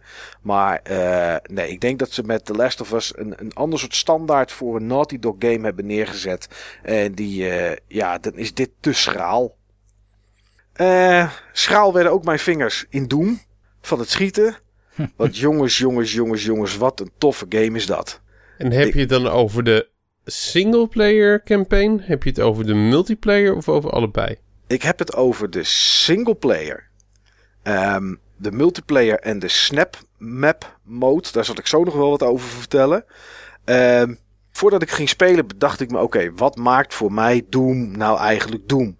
Want ja, hè, Doom uh, 1992 geloof ik, 94, ik weet het niet meer. We hebben het laatst nog over gehad, maar ik ben de jaartal een beetje kwijt. Was natuurlijk van, ja, weet je, dat is Doom en dat is het gevoel van Doom en zo moet Doom zijn. Maar ja, je weet ook, eh, behalve de echte fanboys en, en, en de zeurkousen, dat kan niet meer in 2016. Dus het moet vernieuwen. Dus ik vroeg me van tevoren af, oké, wat maakt voor mij Doom Doom? Dat is snelle actie, dat zijn wapens waarvan je gevoel hebt dat je impact hebt. Uh, redelijk wat tegenstanders. Ook redelijk wat variatie aan tegenstanders. Geweld. Uh, een klein beetje gore hier en daar. Mag, mag ook wat meer zijn. En uh, goed gedesignde levels. En monster nou, en, closets. Ja, nou en al die zeven dingen die ik belangrijk vind, of waarvan ik denk dat maakt Doom Doom, die zitten erin. Het is super snelle gameplay. Het is natuurlijk 60 frames per seconde. Ik heb het gespeeld op de PS4. Um, voor mij was er geen achteroverleunen bij. Ik zat echt continu op het puntje van mijn stoel. Want de, de, de actie gaat zo verschrikkelijk snel dat ja, misschien dat de jeugd het niet heeft. Maar ik zeg maar had echt het gevoel van oké, ik word echt te oud voor games. Het is zo verschrikkelijk snel. Maar wat is het goed? De levels die, die, die zijn enorm goed gedesigned. Je kan uh, springen en, en je optrekken en klimmen. Dus je kan uh, op dingen klimmen. Er liggen overal wel extraatjes die het interessant maken. Uh, de wapens zijn verschrikkelijk goed. Die voelen ook echt goed aan. En wat ze heel goed doen in heel die game is dat ehm, als je de game start en je, krijgt, je doet je ogen open als je wakker wordt als personage zijnde. Binnen 10 seconden heb je een gun in je hand en ben je aan het schieten. Niet eerst 30 minuten intro of tutorial ding die, die traag is. Het is gelijk actie. En ik denk dat je binnen een kwartier tot 20 minuten, misschien nog niet eens, heb je sowieso je armor. Je hebt shotgun. En volgens mij is het 20 minuten later heb je, heb je het volgende wapen en de kettingzaag. Dan komt het volgende wapen er weer bij. Dan brengen ze weer een nieuwe mechanic erbij in. Ze blijven zo snel vernieuwen met elementen dat het continu vers blijft. En dat hebben ze echt briljant gedaan. Als je echt van een goede shooter houdt en, en, en het verhaal, tuurlijk, weet je, het verhaal is, uh, uh, ze zijn weer eens naar de hel geweest, omdat er een probleem was op aarde met stroom. En in de hel was uh, iets met, uh, ja, daar hebben ze experimenten gedaan. En uh, om, om dat probleem op de aarde op te lossen. Nou, er is wat misgegaan. In de hel hebben ze een paar goede generatoren kerncentrales. Ja, precies. Nou, uh, ze hebben wat, waarom weet ik niet, maar ze hebben wat demonen meegenomen en die hebben ze dan opgesloten. Jo, als je er dan toch bent, dan neem je gewoon wat demonen mee. Ja, nou, en wat blijkt? Goh, goh, goh. Uh, uh, een van, de, van de, de artsen die daar, die daar werkt, die blijkt een secteleider te zijn. Nou, en die heeft de poorten van de hel daarna opengezet. En ja, nou voilà, alle demonen losgelaten die opgesloten zaten in, in de gevangenis. En klaar. Nou ja, goed. Uh, dat is het verhaal. Eén dingetje wil ik er nog wel over kwijt over de singleplayer. En dat is dat ik uh, van tevoren, en we hebben allemaal denk ik wel de beelden gezien, dat je een soort van finishers in de game hebt. Dus als je schiet op tegenstanders en ze gaan knipperen, dan kan je op je stickje drukken en dan doet hij een soort van finisher. Ik was van tevoren bang dat, uh, dat hij de snelheid uit de game zou halen. Om, omdat ze ook, ze zijn wel herhalend. Ondanks dat er genoeg in zit. Sta je bij een muur, dan doet hij iets met een muur. Uh, met een richeltje doet hij daar wat mee. Dus er zit wel genoeg variatie in. Maar ik had het gevoel van, ja, oké, weet je, dan moet je elke keer dat gaan zitten doen. En als je dan 30 tegenstanders op je afkrijgt, ja, dan wordt het wel heel erg saai. Maar het heeft en nut om het te doen. Want je krijgt er namelijk meer uh, hitpoints voor terug aan, aan items die je oppakt en kogels. Want uh, er liggen hier en daar wel eens een keer een medkit. Maar voor de rest helemaal niet. Er is geen regeneration van de hitpoints. Daar ben ik erg blij om dat ze dat niet gedaan hebben. Kon natuurlijk ook niet, want dat hoort ook bij Doom. Um, en je hebt geen herladen van je wapen. Je hebt een wapen, je hebt 100 kogels. Als ze allemaal op zijn, is het klaar. Je hoeft niet te herladen of wat dan ook. Kan je wel nieuwe kogels vinden. Maar dat hebben ze eruit gehaald. Niet herladen. Alleen die finishers, zeg maar, van zo'n tegenstander, die zijn super snel. En die geven je ook echt het gevoel van kracht, zeg maar. En daardoor zijn ze toch heel erg tof. Het is gewoon een goede toevoeging. Ja, echt wel. Had ik niet verwacht, maar het is echt een goede toevoeging. En uh, ja, daardoor, heel, daardoor echt, echt wel heel tof. Uh, ja, je zei het al, Steve, de multiplayer. Um, sowieso toonde deze game voor mij aan dat het inderdaad tijd wordt, in ieder geval bij de PlayStation, voor een PlayStation 4 Neo, of PlayStation Neo, hoe je hem ook wil gaan noemen, mocht die ooit komen. Want als je namelijk van de singleplayer naar de multiplayer gaat, of naar de snapmap, of van de snapmap naar de singleplayer, wat, welke mode je ook wil wisselen, dan zegt de game is prima, maar ik moet even opnieuw opstarten. En uh, dan reset hij een soort van de game intern en moet hij opnieuw gaan laden. En uh, dat laden dat duurt best lang. Dus of het kan niet met het geheugen, of ik weet niet wat het is. Maar uh, dat, dat ja, vond ik wel echt heel jammer. Um, als je van de singleplayer naar de multiplayer gaat, dan ontbreekt het aan één ding. En dat maakt de multiplayer een beetje saai. En dat is namelijk geluid. Um, als je de singleplayer aan het spelen bent, heb je overal hoor je wind, je hoort demonen, je hoort vooral enorme gitaarmuziek die echt onwijs opzwepend is. Ik, als iemand het nog gaat spelen, ik raad je ook echt aan met een koptelefoon op te spelen. Geluid knoerd hard te zetten. Dat is echt, echt de manier om het te spelen. Um, en dat is allemaal weg als je naar de multiplayer gaat. En dan hoor je dus alleen wat voetstapjes en wat kogels. En dat valt, dat valt heel erg tegen. Um, heel veel klachten op de multiplayer zijn hoe je eruit ziet. Ja, je ziet eruit als een soort veredelde Halo uh, Master Chief ding. Ja, weet je, ik hou van muggenziften, maar ik vind het een beetje, ik vind het een beetje gezeur, zeg ik het netjes. Uh, ja, het is een Space Marine en het is 2016. Ja, er zitten towns in, die zijn echt kneuzig. Je kan, uh, ik weet niet of er dansjes in zitten, maar uh, je kan zwaaien of je kan weet ik veel wat. Ja, weet je, je hoeft ze gelukkig niet te gebruiken. En voor mij hadden ze er ook uitgemogen. Maar ja, goed, dat is wat men tegenwoordig blijkbaar in een game wil. Ja, en dan de maps en dat soort dingen. Die vind ik voor de rest prima. Uh, de actie is op zich oké. Maar ja, de multiplayer is niet helemaal mijn ding. Uh, de snapmap die erin zit vind ik wel tof. Met de snapmap kan je zelf eh, levels maken. Je kan ook op het knopje drukken en dat die iets voor jou genereert. Je kan daar zelf speelstijlen aan hangen. Dus je kan ook gewoon zeggen van ik maak een singleplayer level met tegenstanders en weet ik wat. De mensen hebben levels uit eerdere Dooms nagebouwd. Uh, je kan een soort van uh, horde mode kan je erin bouwen. Dat uh, mensen met waves komen, dat soort dingen. er waren dat is het... wel tof toen ik het speelde, waren er geloof ik volgens mij, en dat was in de week van de release, waren er volgens mij al iets van 200.000 user-generated maps. Uh, je kan ze ranken en raten. Uh, ze houden Reddit houden ze in de gaten en NeoGAF om te kijken wat voor levels er komen die echt heel tof zijn. Als mensen ze daar heel tof vinden, dan krijgen die een speciaal plekje. Uh, ja, en je kan dus gewoon uh, ook co-op levels kan je spelen. Waarbij je samen of met twee of met drie of met vier mensen van die waves tegen moet gaan. Is echt heel tof gedaan. Daar, hebben ze echt wel, daar scoren ze echt wel punten mee. Dus ja, dat is een beetje wat ik gespeeld heb. De Doom klinkt tijd. wel echt gaaf trouwens. Ik zei in aflevering 61 nog dat ik liever geen first-person shooter speelde. Ja. Of dat ik daar, ja, dat het niet meer mijn genre was. Maar ja, we hebben ook een Doom Retro Focus gehad. Toen heb ik uh, heel Doom nog met, samen met Martijn, die ook eerder genoemd werd in de Game Talk door Steve, heb ik die nog co-op door zitten spelen. Ja, ik denk dat ik deze toch mag halen. Ja, ik, uh, als je hem niet voor de multiplayer haalt, als je hem al zeg maar alleen voor de singleplayer halen, het is zo snel. Het is, ja, ik vind het echt, ik vind het echt heel tof. Ik vind het echt heel tof. En de reviewcijfers die ik gezien heb zijn denk ik ook het meest gebaseerd op die single player. Multiplayer vindt iedereen wat tegenvallen. Uh, kunnen ze niet zoveel meer aan doen. Want ik denk dat daar te veel dingen mis mee zijn. Niet technisch hoor. Technisch werkt het allemaal. En, uh, en dat soort dingen is allemaal geen probleem.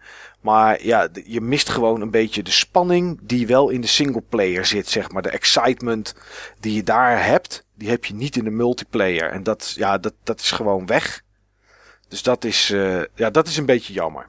Ik vond de multiplayer er in de video's ook meer uitzien als Quake 3 Arena of zo. Is het ook. Het zijn natuurlijk, kijk, die, die levels van, van de singleplayer is gewoon, ja, je gaat ergens werk naar een punt toe en dat kan linksom of rechtsom. Uh, dat, dat kan ook echt, weet je. Je kan echt op meerdere manieren kan je, kan je ergens komen. Maar ja, met, het, het, het, is, het is gewoon arena-based shooter inderdaad. Dat is, eh, dat is de multiplayer. Het zijn ook niet de levels van de singleplayer, wel de settings, maar niet de levels. En uh, ja, ik, ja, dat werkt gewoon niet mee. En het is natuurlijk een leuke easter eggs dat in elk level zit een, eh, een oud stukje level verstopt. En als je die vindt, dan unlock je een, een groter gedeelte van de levels uit Doom 1 en Doom 2 met alle secrets en dat soort dingen van dien. Dus dat is wel, uh, dat hebben ze echt, ze, hebben er echt werk van gemaakt. En voor die single player en, uh, en die snapmap ook, ja, dikke props. Dat hebben ze echt heel goed gedaan. Um, ja, goed. Dat waren de games die wij gespeeld hebben, jongens. En ik zei het in de intro van de podcast al. We gaan ons oranje hart laten spreken. Tenminste, daar heb ik zo natuurlijk nog wel een vraag over. Um, maar ja, we gaan het hebben over games uh, die in Nederland gemaakt zijn. Uh, nee, dat bewaar ik gewoon voor na het muziekje.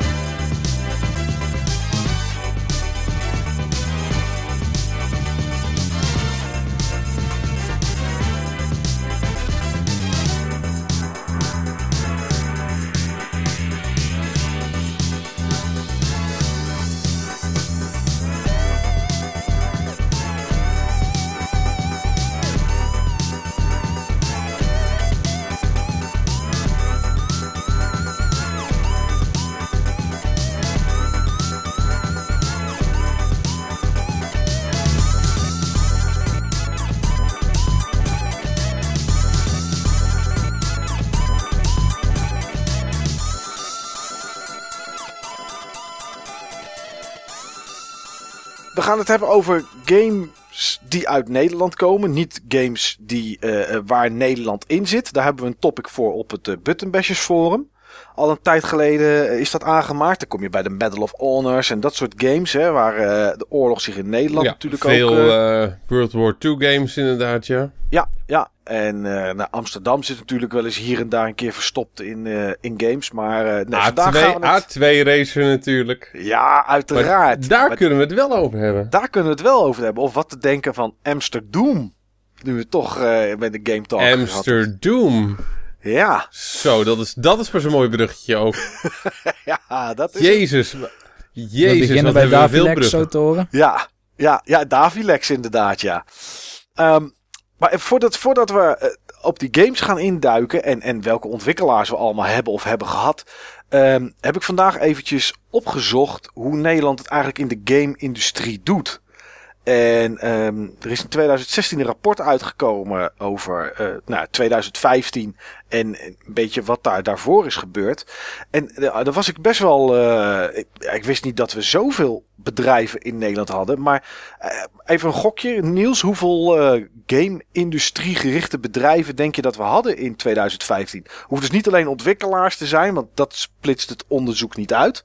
Maar gewoon game-gerelateerde bedrijven. Bedrijven met games als, als kernactiviteit. Precies, als business. Ja, ik gok zo 455. Smeerlap. nou, sorry Steve, ik hoef jou niet meer te laten gokken. Maar Niels heeft het blijkbaar ook opgezocht. Eh, Sorry, ik zat in, in het eh, Games Monitor panel, dus ik ken het rapport heel goed. Ik, eh, Oké. Ja, dat, dat soort dingen, daar begin ik niet eens aan als Niels erbij is, joh. Nee, maar ik, ik schrok er wel van. 455 bedrijven waren er in 2015. Maar heb je het dan echt over videogames of gaming? Videogames produceren of publishen. Specifiek videogames? Ja. 455. Nou Niels, dan, eh, als, jij, als jij erin zat, dan ben ik ook wel benieuwd hoeveel bedrijven er eh, gestopt zijn sinds 2011. Want dat, dat schrok ik ook wel van. Oh, dat eh, weet ik niet meer uit mijn hoofd. Oké, nou dat, dat stond erbij. Ehm, eh, in 2011, de bedrijven die toen actief waren, waren er vorig jaar al 110 van gestopt. Eh, zelf gestopt of noodgedwongen. Ehm, in totaal hebben die 455 bedrijven zo'n eh, iets meer dan 3000 banen. De grootste daarvan zijn te vinden in Amsterdam. Want in Amsterdam alleen zitten 89 bedrijven die iets doen met videogames. Ehm, en daar waren dan 787 banen in ieder geval. En er stond ook iets in nieuws. En ik denk, ja, dat is wel iets wat, wat jij weet. Er zijn natuurlijk eh, heel veel mensen die tegenwoordig, tenminste, ik- voor mijn gevoel heel veel, die een opleiding doen voor iets met videogames maken, eh, modelers of art of wat ze ook doen. Ja. En in 2015 waren er 1639 studenten die iets leerden over en met games. Ehm, ja, ik geloof dat Niels het Hoofd al een keer iets had gezegd eh, daarover. Maar dat zijn best wel veel mensen die dat doen als je kijkt naar die net boven de 3000 banen die er zijn, toch? ja, zeker. En daardoor zie je ook juist heel veel kleine start-ups. En dat verklaart misschien ook wel die, wat zei je, 110 bedrijven? Ja, 110 bedrijven die gestopt zijn sinds 2011 inderdaad. Ja, ja, er zitten misschien ook grotere bedrijven tussen. Maar Ja. ja, ja er is een flinke aanwas van eh, studenten die, die de gamesindustrie in willen stromen op een bepaalde manier. En eh, Nederland is een klein land, dus een deel daarvan gaat naar het buitenland. Ehm, een deel daarvan komt terecht binnen de formaties van de bedrijven die er al zijn, die ook Ja. aan het groeien zijn. En een deel daarvan begint een eigen bedrijf met klasgenoten of met vrienden en kennissen. Ja, en En natuurlijk. een deel ervan gaat natuurlijk heel iets anders doen. Ja, maar dat valt nog wel mee. Oké. Ik ken natuurlijk niet alle opleidingen goed. Ik ken twee opleidingen van binnen heel goed. En heel veel mensen die een gameopleiding hebben gestudeerd, komen wel binnen de creatieve industrie aan een baan. Het is dus niet zo dat ze dan een compleet ander soort werk gaan doen. Of een, Oké, eh, dus wel, wel iets creatiefs, maar het hoeft dan niet per se met videogames te zijn. ja, dus je kan je voorstellen, voor MediaMonks is een, eh, is een vrij groot bedrijf in Hilversum. Ehm, zij hebben volgens mij games niet als kernactiviteit, dus zij worden niet meegenomen in de Games Monitor. Maar ze zijn wel een heel groot mediabedrijf, waar ook studenten van gameopleidingen terechtkomen. Oké, en die gaan daar dan bijvoorbeeld creatieve dingen uitwerken of, of misschien animaties maken of zo? Wat moet ik me dat dan is voorstellen Waarschijnlijk dat die... vooral grafisch werk of misschien applicaties of iets dergelijks.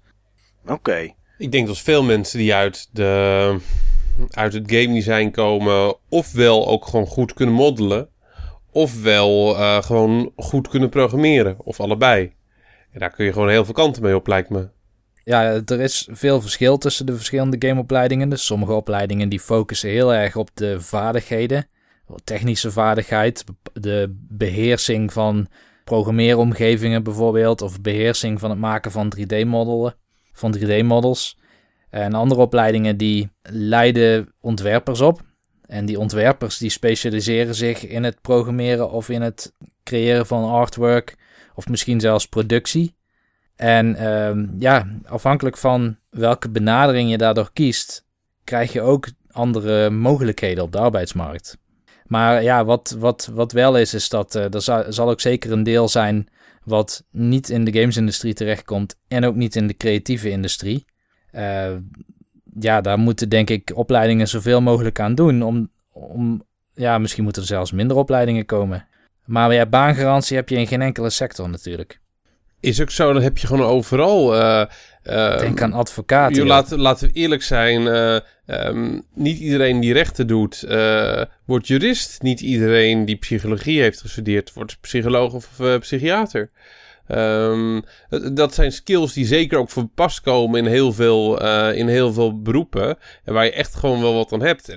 Het lijkt mij dat veel dingen die, um, die je leert op een game uh, opleiding ook gewoon voor nut zijn in wat jij zegt, zegt de grafische industrie of, of in de IT.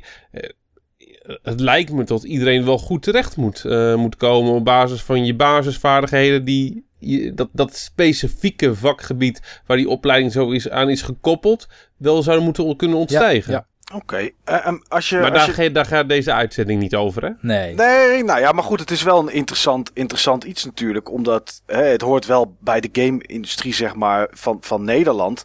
Wat, het enige wat ik dan nog even wil zeggen, Niels, of wil vragen, is: ik weet niet of jij dat, of jij dat weet. Mm -hmm. Maar als je dit dan vergelijkt met andere landen. Ja. Lopen wij dan achter of lopen wij dan voorop met, met het aantal studenten en, dat soort, en, en gamebedrijven die er zijn? Uh, nou, ik denk dat dat nog ontbreekt in zoiets als de Games Monitor. De benchmarking ja. met andere vergelijkbare landen.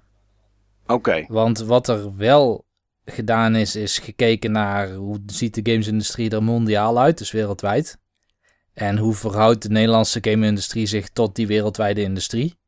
Ja. En dat is, ja, er zijn heel moeilijke verbanden tussen te leggen, omdat je, ja, de wereldwijde industrie, je weet niet of dat in elk land dezelfde criteria gebruikt worden om te benadrukken of dat je wel of niet binnen die gamesindustrie valt. En je weet niet, um, als je, het gaat over bijvoorbeeld uh, de groei, economische groei of uh, omzetten, of dat daar dan uh, voor een heel groot deel bijvoorbeeld Chinese mobile giganten in zitten. Dus het kan, ja. dat, kan, dat kan de cijfers natuurlijk behoorlijk scheef trekken. Een paar van die partijen die dan, bij, die dan in hun eentje groter zijn dan de twee grootste game publishers in Amerika bij elkaar. Ja, precies. Dan wordt het lastig vergelijken. Ja, dus dat, uh, dat is denk ik nog wel nodig. Zo'n vergelijking met een land die een beetje eenzelfde soort industrie kent. Een beetje eenzelfde soort markt. Ik vermoed dat je dan in Scandinavië moet gaan kijken. Want in Nederland ja. heb je ook, uh, dat, dat staat ook volgens mij in dat rapport, heb je relatief veel applied games. De toegepaste spellen, of uh, die ook wel eens serious games werden genoemd vroeger.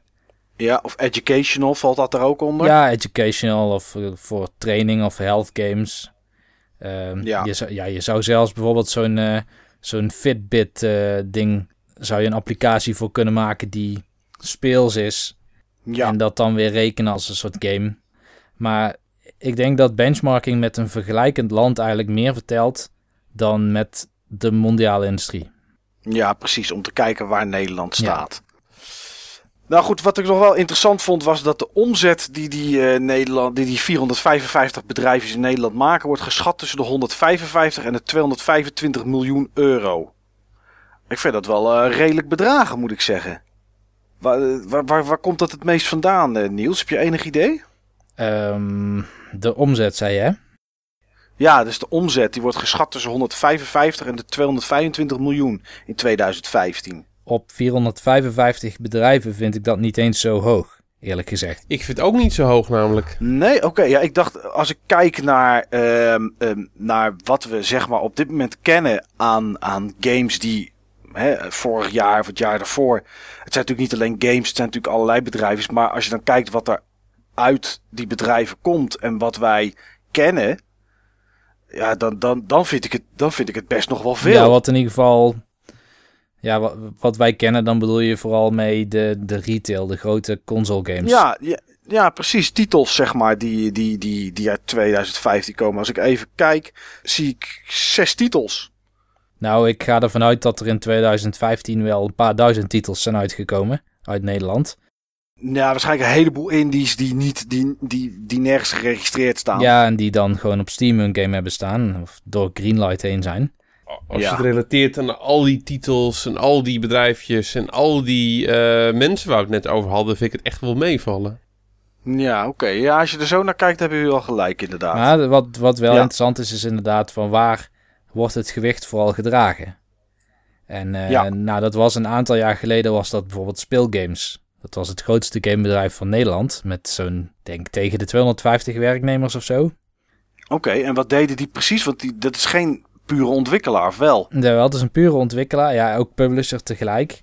Maar die, ja, die waren vol in de mobile games. Ah, oké, de mobiele titels. Ja. Ja. en dan ook niet alleen op de Nederlandse markt gericht. Hè? Dus wel internationaal georiënteerd. Oké. En dat helpt, denk ik. Nou, daar is natuurlijk wel een hoop, eh, een hoop te halen, inderdaad. Eh, voordat, we dit, voordat je ging, een beetje ging inlezen, Steve, zeg maar, want je had ook notities gemaakt. Als ik dan had gevraagd aan jou welke Nederlandse ontwikkelaars ken je, had je dan eh, er meer dan twee kunnen opnoemen? Hoe goed kennen wij onze eigen ontwikkelaars? Ehm, ik had er wel een paar op kunnen noemen, maar eh, dat was vooral eh, beperkt dan geweest tot die gasten van. Ja, Ehm, die gasten van Tokitori, die gasten van, ehm, Two Tribes. eh, van. Overlord, Triumph. ehm, ja, Davilex, ehm, die gasten van Jazz Jackrabbit. ja, dat is nog wel apart inderdaad, hoe dat, hoe dat in elkaar steekt qua, qua namen. Maar daar komen we zo nog wel op, inderdaad. Ja, maar eh, dat waren dingen die in ieder geval redelijk top of mind voor mij waren.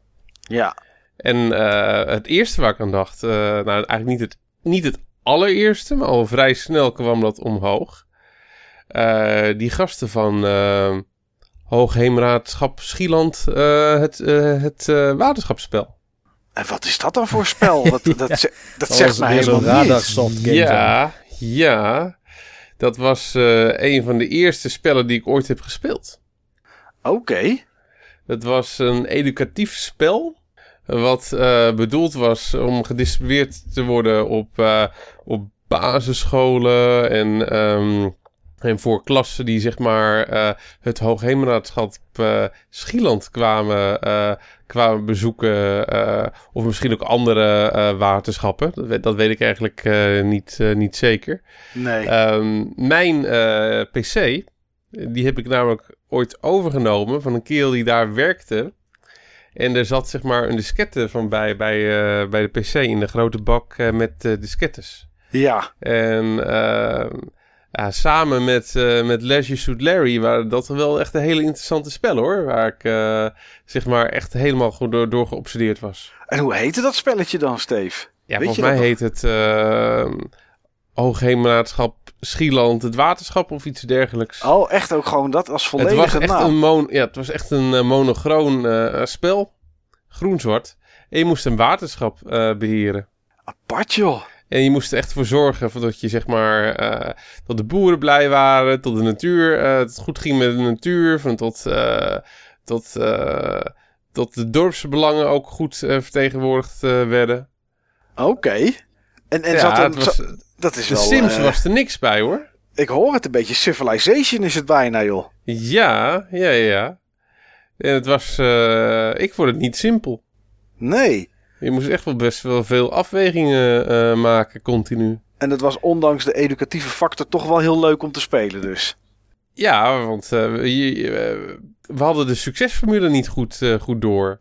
En we speelden het vaak gewoon met, met een paar mensen zelfs bij mij. En eh, zelfs met de koppen bij elkaar steken kwamen we gewoon soms niet zo goed uit.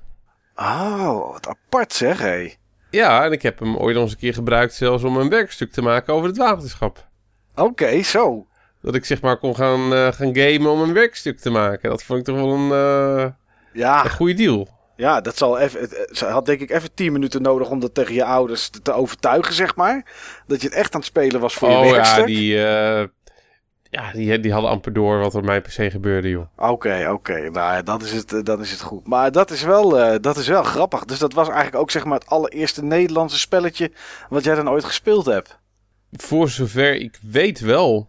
Nou ja, oké. Ik had wel meer spellen. En, eh, maar dit was gewoon zo overduidelijk. Want dat het Nederlands was, ja, ontkwam je gewoon niet aan. Nee, nee. Ja, bij jou is dat denk ik heel anders, hè Niels? Ik bedoel, jij kende ze allemaal al voordat we aan dit onderwerp beginnen. eh, begonnen. Lang niet allemaal, want er zijn wel eh, gamebedrijven van lang geleden. Of er zijn ook weer natuurlijk een heleboel nieuwe. Ja, Eh, zelfs al hebben we het over de KVK geregistreerde gamebedrijven. Dan nog steeds zijn er heel erg veel die ik niet ken.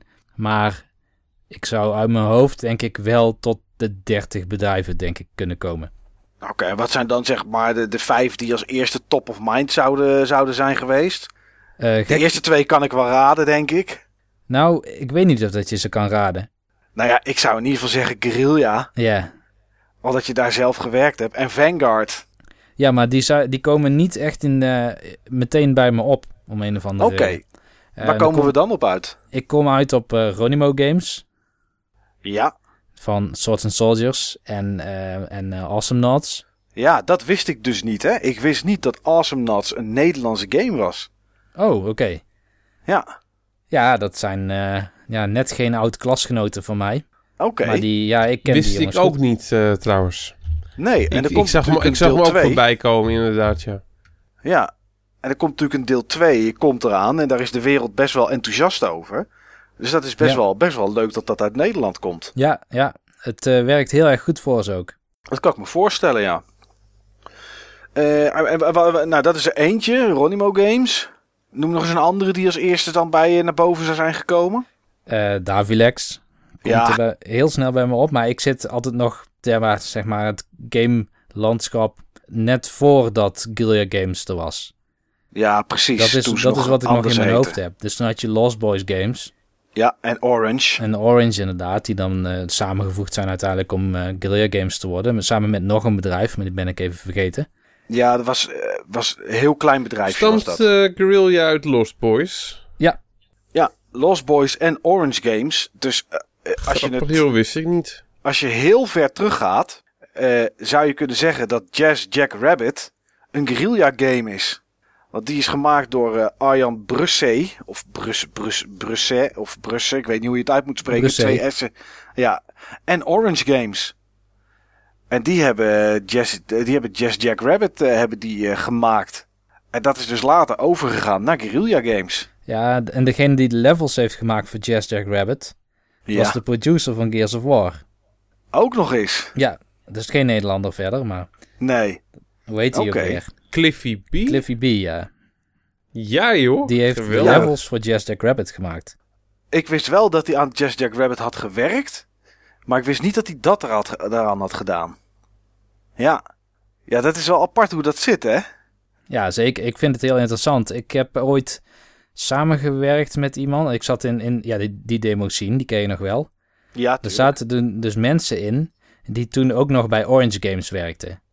Oké. Dus ik heb toen nog met die game engine geklooid, die uiteindelijk de game engine zou worden van Shell Shock Nam. Ja. En die Shell ook voor Shock Nam Killzone 1 gebruikt 67. is. Ja, Wat daar verbaasde ik me dus over. Dat wist ik dus helemaal niet. Dat Shell Shock Nam 67. Dat dat een guerrilla game was. Dat was de eerste game volgens mij onder de vlag guerrilla. Ja, klopt. Nou, volgens mij kan je geen rommelmarkt of, of, of, of kringloopwinkel binnenstappen. Of je ziet wel een Shell, Shell Shock NAM 67 liggen. Eh, zes, ja, 67. Ja. Maar dat is dus gewoon echt een Nederlandse game. Ja, dat is van het team wat daarna, tenminste ja, een deel van het team is Killzone natuurlijk weer verder gaan maken, maar ze zijn daarna ook eh, Liberation gaan maken voor PSP. Ja, ja heel apart dat dat, dat, dat allemaal zo, eh, zo verweven zit. Als je, als je al die gamebedrijven zo, zo nagaat, hè. ehm, Nederland noemen ze altijd een waterland. We zijn heel goed met water. En, en, en we worden over heel de wereld gevraagd. Daar weet ik alles van, hè? Daar weet ik Ja. alles van. Daarom. Eh, hè, dus jij weet, Steven, wij worden overal gevraagd. Maar als je die, die lijst van games, en we gaan zo nog wel wat dieper in op een aantal games die hier vandaan zijn gekomen. Maar als je dat zo ziet, is Nederland dan eigenlijk ook goed in games ontwikkelen? Wat, hoe zie jij dat, Steve? Ik zou graag willen weten wat Niels daarvan vindt. Niels, Ja, jij bent de hulplijn. Ik wist dat Niels daar op zeker een antwoord voor had. Dus daarvoor denk ik, kijk even bij jou, Steve. Kijken wat jij eh, op voorhand ervan denkt. Ja, weet je wat het is? Ik vind dit zo'n specialistische vraag... Ja, dat ik eigenlijk mezelf niet geschikt acht om, daarover te, om daar een mening over te hebben. oké. dan ga Wel ik om mijn... wel een, een mening aan te vullen, Ja, maar niet om die mening te initiëren. Oké. Nou, ik, ik ga zijn zeggen wat weinig ik ervan dingen waarbij ik dat zeg, maar ik, ik, Ja, vind, mezelf klopt. ook, ik vind mezelf ook geen dokter. Ik, eh, ik, ik, ik, ik weet gewoon wanneer iets, eh, zeg maar, ook eh, mijn, mijn grens voorbij gaat. Meestal. Ja, nou, ik ga het gewoon heel arrogant wel doen. Niet omdat ik denk dat ik het wel weet, maar in ieder geval wat mijn gevoel zegt. En mijn gevoel zegt is dat we in de één keer in de twee, drie jaar eens een keer een game hebben die, waarvan heel de wereld zegt ja, dat vinden we tof. En als je dat eh, eh, met 455 bedrijven hebt die niet allemaal games maken, dat weten we natuurlijk wel. Maar als je 455 game-gerelateerde, videogame-gerelateerde bedrijven hebt in Nederland, vind ik het wat weinig. En dan, dan durf ik te zeggen dat we er niet heel erg goed in zijn, maar dat we af en toe wel een hitje hebben. Oké, als, ik, als ik iets zou moeten zeggen, zou ik, eh, zou ik zeggen, we zitten ergens in de middenmoot tweede rijtje. Ja, oké, dat zou Bewijzen ik als je het in voetbalmetaforen zou... Ja. eh, Ja, ik denk dat ik me daarbij aan zou sluiten, want ik heb wel eens games gespeeld die ze in Irak maken. En dat was een soort Uncharted. En dat is echt niet te spelen. En daarmee kwamen ze naar de Gamescom. Dus dat geeft ongeveer wel aan wat uit dat soort landen komt. Maar Niels, hoe ver zitten wij er vanaf? nou hier durf ik eigenlijk ook bijna geen antwoord op te geven. Ik kan wel een gedachtegang weergeven, Nou, dat is prima. maar ik, ik weet het antwoord niet. Maar ehm, ik denk dat de werkgever- en werknemerbescherming in Nederland in combinatie met de belasting, dat het eigenlijk de productie van games in Nederland te duur maakt. Tenminste van die AAA-games. Dus dat doen we dan ook maar liever niet in Nederland, denk ik. Ehm, wat wel is, is dat Nederland is een heel goed benaderpunt voor internationale developers. Voor lokalisatie of mogelijk publishing. Omdat we zo'n klein land zijn en zo snel in een buurland met een andere taal en een andere cultuur kunnen stappen. Oké. Dus voor de toenadering van de Europese markt Ja. zijn er volgens mij veel kansen in Nederland om samen te werken met partijen van andere continenten. Dat is Ja, misschien niet wat je hoopte te horen.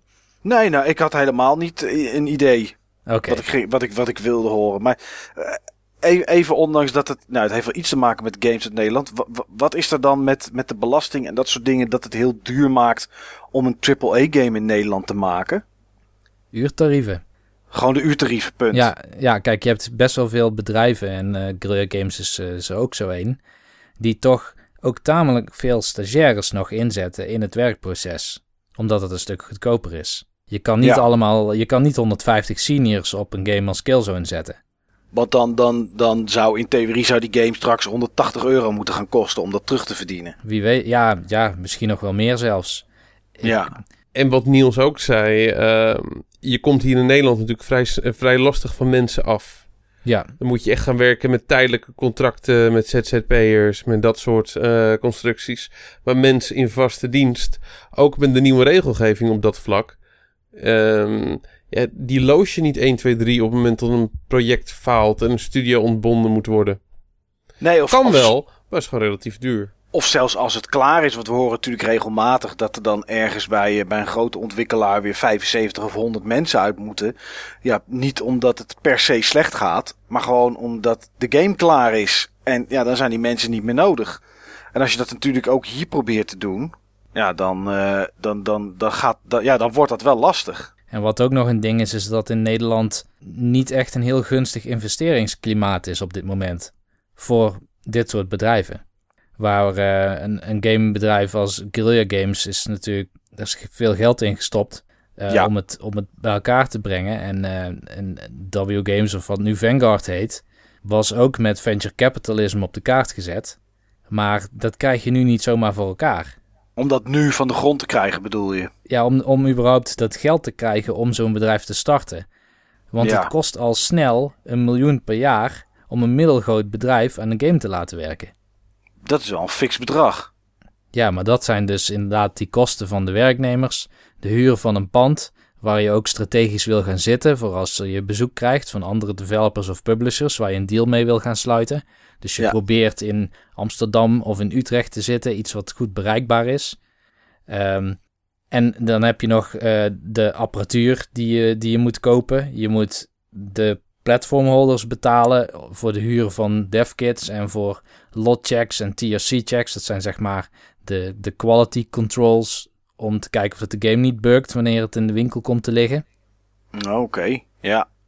Ja, dus er komt meer bij kijken dan alleen maar wat, wat, wat, wat studenten die wat programmeren en wat tekenen. Ook startups van studenten moeten er rekening mee houden dat wat zij doen, dat het op een gegeven moment break-even wordt. Ja, En dan moet je jezelf geen uurloon van 10 euro per uur geven. nee, snap ik. Want je moet ook je huur betalen.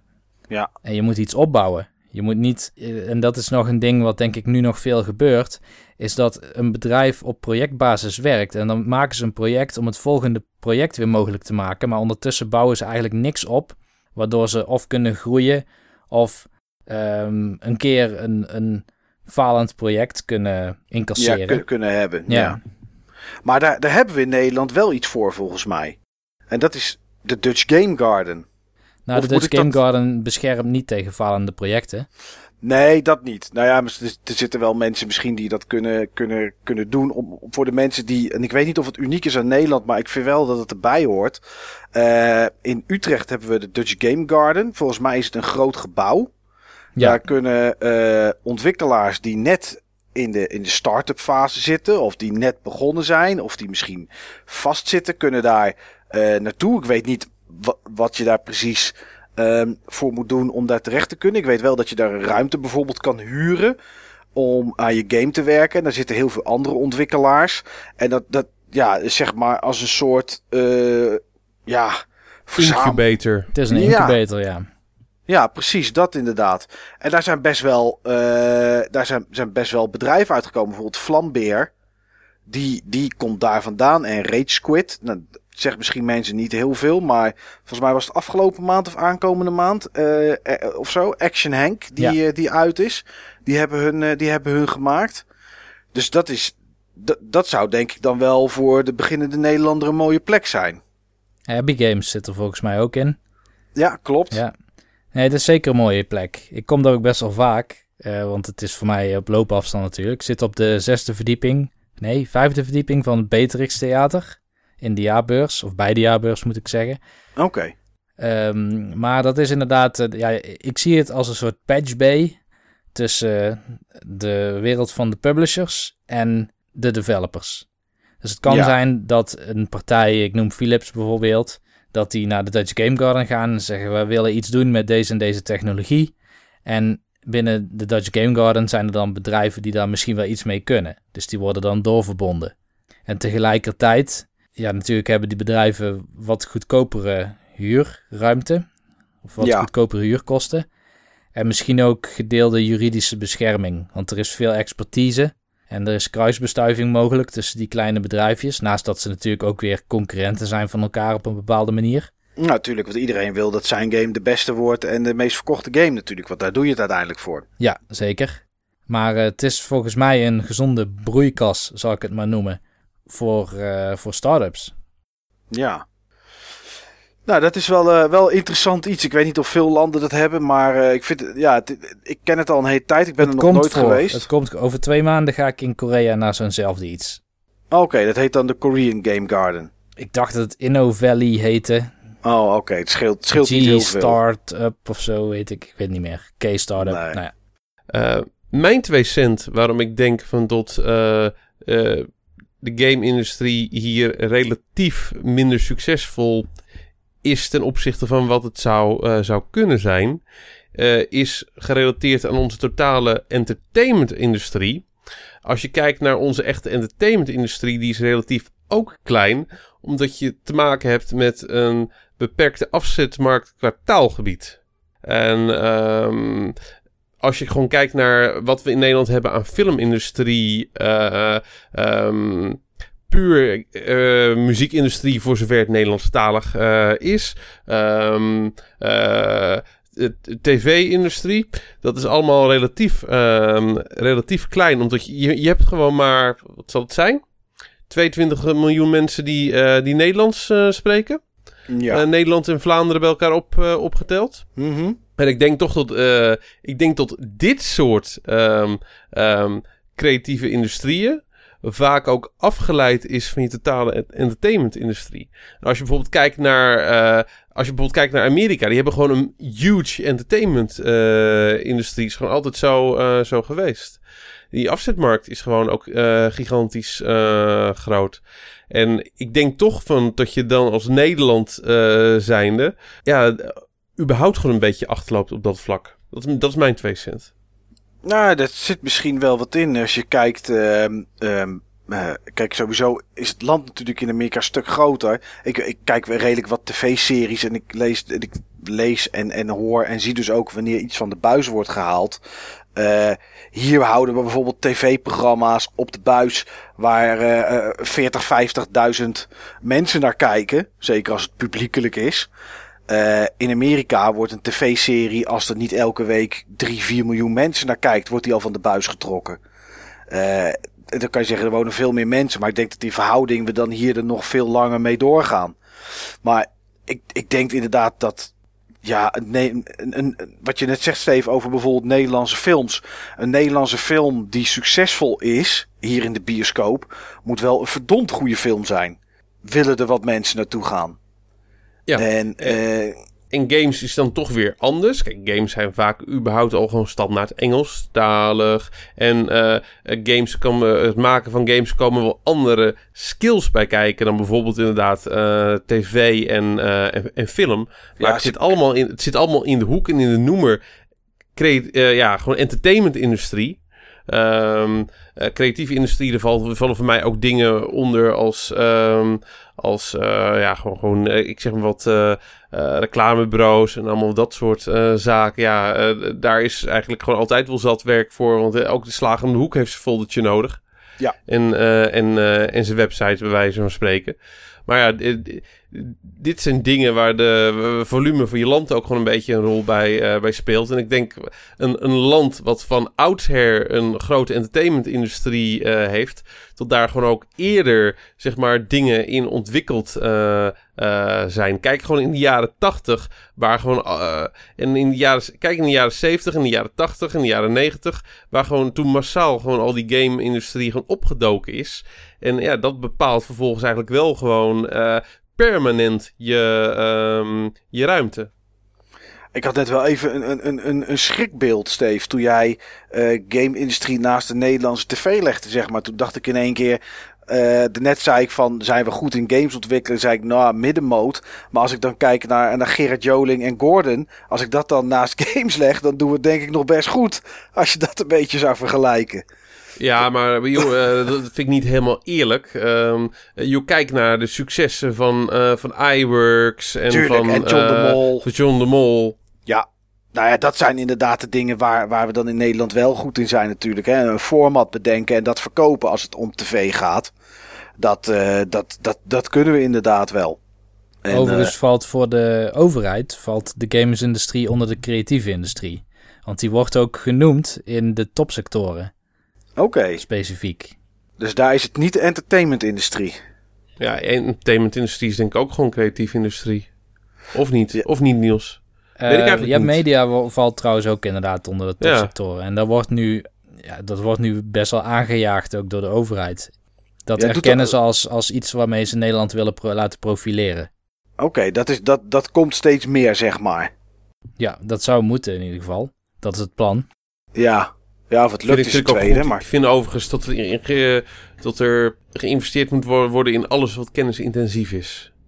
Ja, Kijk, nou, dat uh, zeker wel. Dingen als industrie en zo, dat gaat toch gewoon... Uh, uh, dat is gewoon water. Dat, dat, dat gaat naar het laatste punt toe. Dat gaat toch gewoon continu naar, naar de plek toe waar... Um, waar het goedkoopst geproduceerd kan worden. En straks is dat in principe overal op basis, of bijna overal op basis van robotisering. Dus daar, daar creëer je geen banen mee. Maar dit zijn creatieve industrie. Daar kan je gewoon. eh, daar heb je mensen nodig. Ja, die kun je niet automatiseren. Nee, Zelfs daar niet. zijn echt genoeg theorieën over. Tot, eh, tot je daar bij wijze van spreken robots en algoritmes op, eh, op los kan, eh, kan laten uiteindelijk. Maar ik denk zelf daar anders over. Ja, want dan, dan kom je altijd uit met statistieken van wat vinden mensen hier leuk van, daar leuk van en dan een formule bedenken. Maar dat is toch nooit, dat kan toch nooit zo goed werken, mag ik aannemen als het creatieve brein van eh Davilex bijvoorbeeld met A2 Racer. Nou, dat, eh, dat, dat kan, dat kan geen nee. robot kan dat Dat kan- bedenken. nee, Nee. helemaal mee eens. Helemaal mee eens. Ik weet wel zeker. Ik durf wel inderdaad te zeggen tot geen robot A2 racer had kunnen verzinnen. Tenzij die last had van de Millennium Bug. Ja. dan, had, had het inderdaad gekund, ja. Ja, dus dat is wel, eh, nee. Maar goed, eh, jullie zijn ook door de lijst heen gegaan van, van ontwikkelaars. Ik heb er een aantal, heb ik er even genoteerd om gewoon eens over te hebben. Ehm, gewoon ook om, om, om- omdat ik ze of kende, of omdat ik dacht van, hey, ik wist helemaal niet dat dit in Nederland gemaakt werd. We hebben net al, al wel, wel iets gehad. Maar de eerste ontwikkelaar die ik tegenkwam was echt grote Nederlandse ontwikkelaar. En misschien zijn er meerdere geweest, is Radarsoft. Ja, Ik, eh, ik, ik weet niet of er, of er grote ontwikkelaars zijn. Er zullen vast eerder games of iets gekomen zijn uit Nederland. Maar ehm, het, het mooie is ook dat ik gewoon bij mij thuis op zolder nog games heb liggen die gemaakt zijn door Radarsoft. En dat is toch ja, 1984, 85. En eh, ik weet niet, hebben jullie ooit iets gespeeld wat, wat jullie tegen zijn gekomen van Radarsoft? ik heb wel eens wat gespeeld van Radarsoft. Volgens mij was dat eh, gewoon van die, ja, het waren clones. Ja, daar hebben ze inderdaad wel iets, iets van gemaakt. Ik heb bijvoorbeeld Eindeloos en Hopeloos heb ik gespeeld. Dat waren ja, met, met ruimtescheepjes vliegen en schieten door, door levels heen. En, eh, en dat, dat, dat, dat was het dan een beetje. En de, de Snoopy game die zij gemaakt hebben. En die heb ik vroeger heel veel gespeeld. Het was echt op de Commodore 64 echt eh, ja, een verschrikkelijke game eigenlijk. Maar het was zo'n titel waarvan ik niet wist dat die uit Nederland kwam. En ehm, je had het net, Steve, over de eerste Nederlandse game die je ooit speelde. Die Hoogheemraadschap, Waterschapland, eh eh Schielanden of zo was het geloof ik. Als, Ja, ik, het, zo, zoiets. als ik het redelijk onthoud Maar dat heb. was gewoon echt een, een, kleine, eh, low budget, denk ik dan, Ja. educatieve game. Ja, maar de, de, de eerste Nederlandse educatieve game en ook de eerste Nederlandse game die ik ooit speelde was Topo. Of Topografie heette het. En het was op de Commodore 64 en daar had je een helikoptertje. En dan vloog je boven Nederland en dan had je hem met rivieren en je had hem met steden. En eh, er stond er onderin stond er Maastricht. Nou, en dan moest, je, eh, dan, moest je naar beneden van Nederland vliegen en dan moest je precies naar Maastricht toe. En dan eh, stond er weer Leeuwarden en dan moest je naar boven. En, en op die manier probeerden ze educatief topografie bij te brengen. Ja, dat snap ik wel, eh Mike. Jij bent niet van de Red Cat generatie. Nee, dat ben ik inderdaad niet. Dus ik moest het met deze, met deze simpele, ja, si- simpele zielenspelletjes moest ik het doen. In, eh, in, mijn, eh, in mijn tijd. Ja, een bedrijf wat daar ook uit die tijd komt was Acosoft. Die deden meer eh, voor de MSX. Ehm, en het, het grappige vond ik wel om te lezen dat Radarsoft, ondanks dat het in 84 zeg maar opgericht was, of, of 83, die is er, dat is er nog steeds. En eh, ja, ze Wat maken doen ze nu? educatieve software maken ze. Oké, Ja, dus die zijn. eh, grappig. Ja. Ja, dat is toch wel. Dat is misschien Dat is wel. toch mooi? misschien wel het oudste, oudste softwareontwikkelbedrijf. Wat, op, wat in ieder geval met games iets gedaan heeft. Wat we hebben. Denk ik. Dat denk ik ook. Zou ja. goed kunnen. Ja, ja dat, is wel, eh, dat is wel apart. Ja, goed, we hadden het net al even, over Just Jack Rabbit. Nou ja, goed, eh Arjan Bresset en Orange Games. En Orange Games later samen met Lost Boy Games naar Guerrilla. Ehm ja, en Cliffy B kwam daar natuurlijk al even voorbij, inderdaad. Die, eh, die daar de level design voor heeft gedaan. Ja, en, en ik denk wat je net al zei, Steve, Red Cat. Ja, dan kom je met Amsterdam, A2 Racer, Europa Racer. Dan kom je bij Davilex. Maar dat kent iedereen. En die hebben, hadden ook software om weer boekhouding mee te doen en dat soort dingen. Maar Steve, even eerlijk tussen ons twee. Dat was toch allemaal niet zo best, hè, wat die gasten maakten. dat was niet zo best. En eh, dat wist bijna ook iedereen. En althans, eh, iedereen die een beetje in de gaming scene zat, die wist dat, eh, die wist dat wel. En ik heb maar één Davilex game eh, gehad. Volgens mij was het een A2 racer. En volgens mij had ik wel vijf gulden of zo gekocht voor de leuk. Ja. Dus gewoon puur, ehm, puur om te lachen om dat, eh, om dat spel of zo. Het is nog- was wel gelukt. Maar eh, nee, daar zou ik niks van kopen. Serieus. Eh, toch hebben ze het wel redelijk gedaan. Hè? Wat ge- ik bedoel, eh, in mijn PlayStation 1 verzameling zit ook gewoon eh, Europa Racer en A2 Racer. Dus ze deden het wat dat betreft niet heel slecht dan. Maar Ze hebben ook Knight Rider gemaakt. ja, dat Voor klopt. PC en console. En volgens mij heeft hij heel goed verkocht.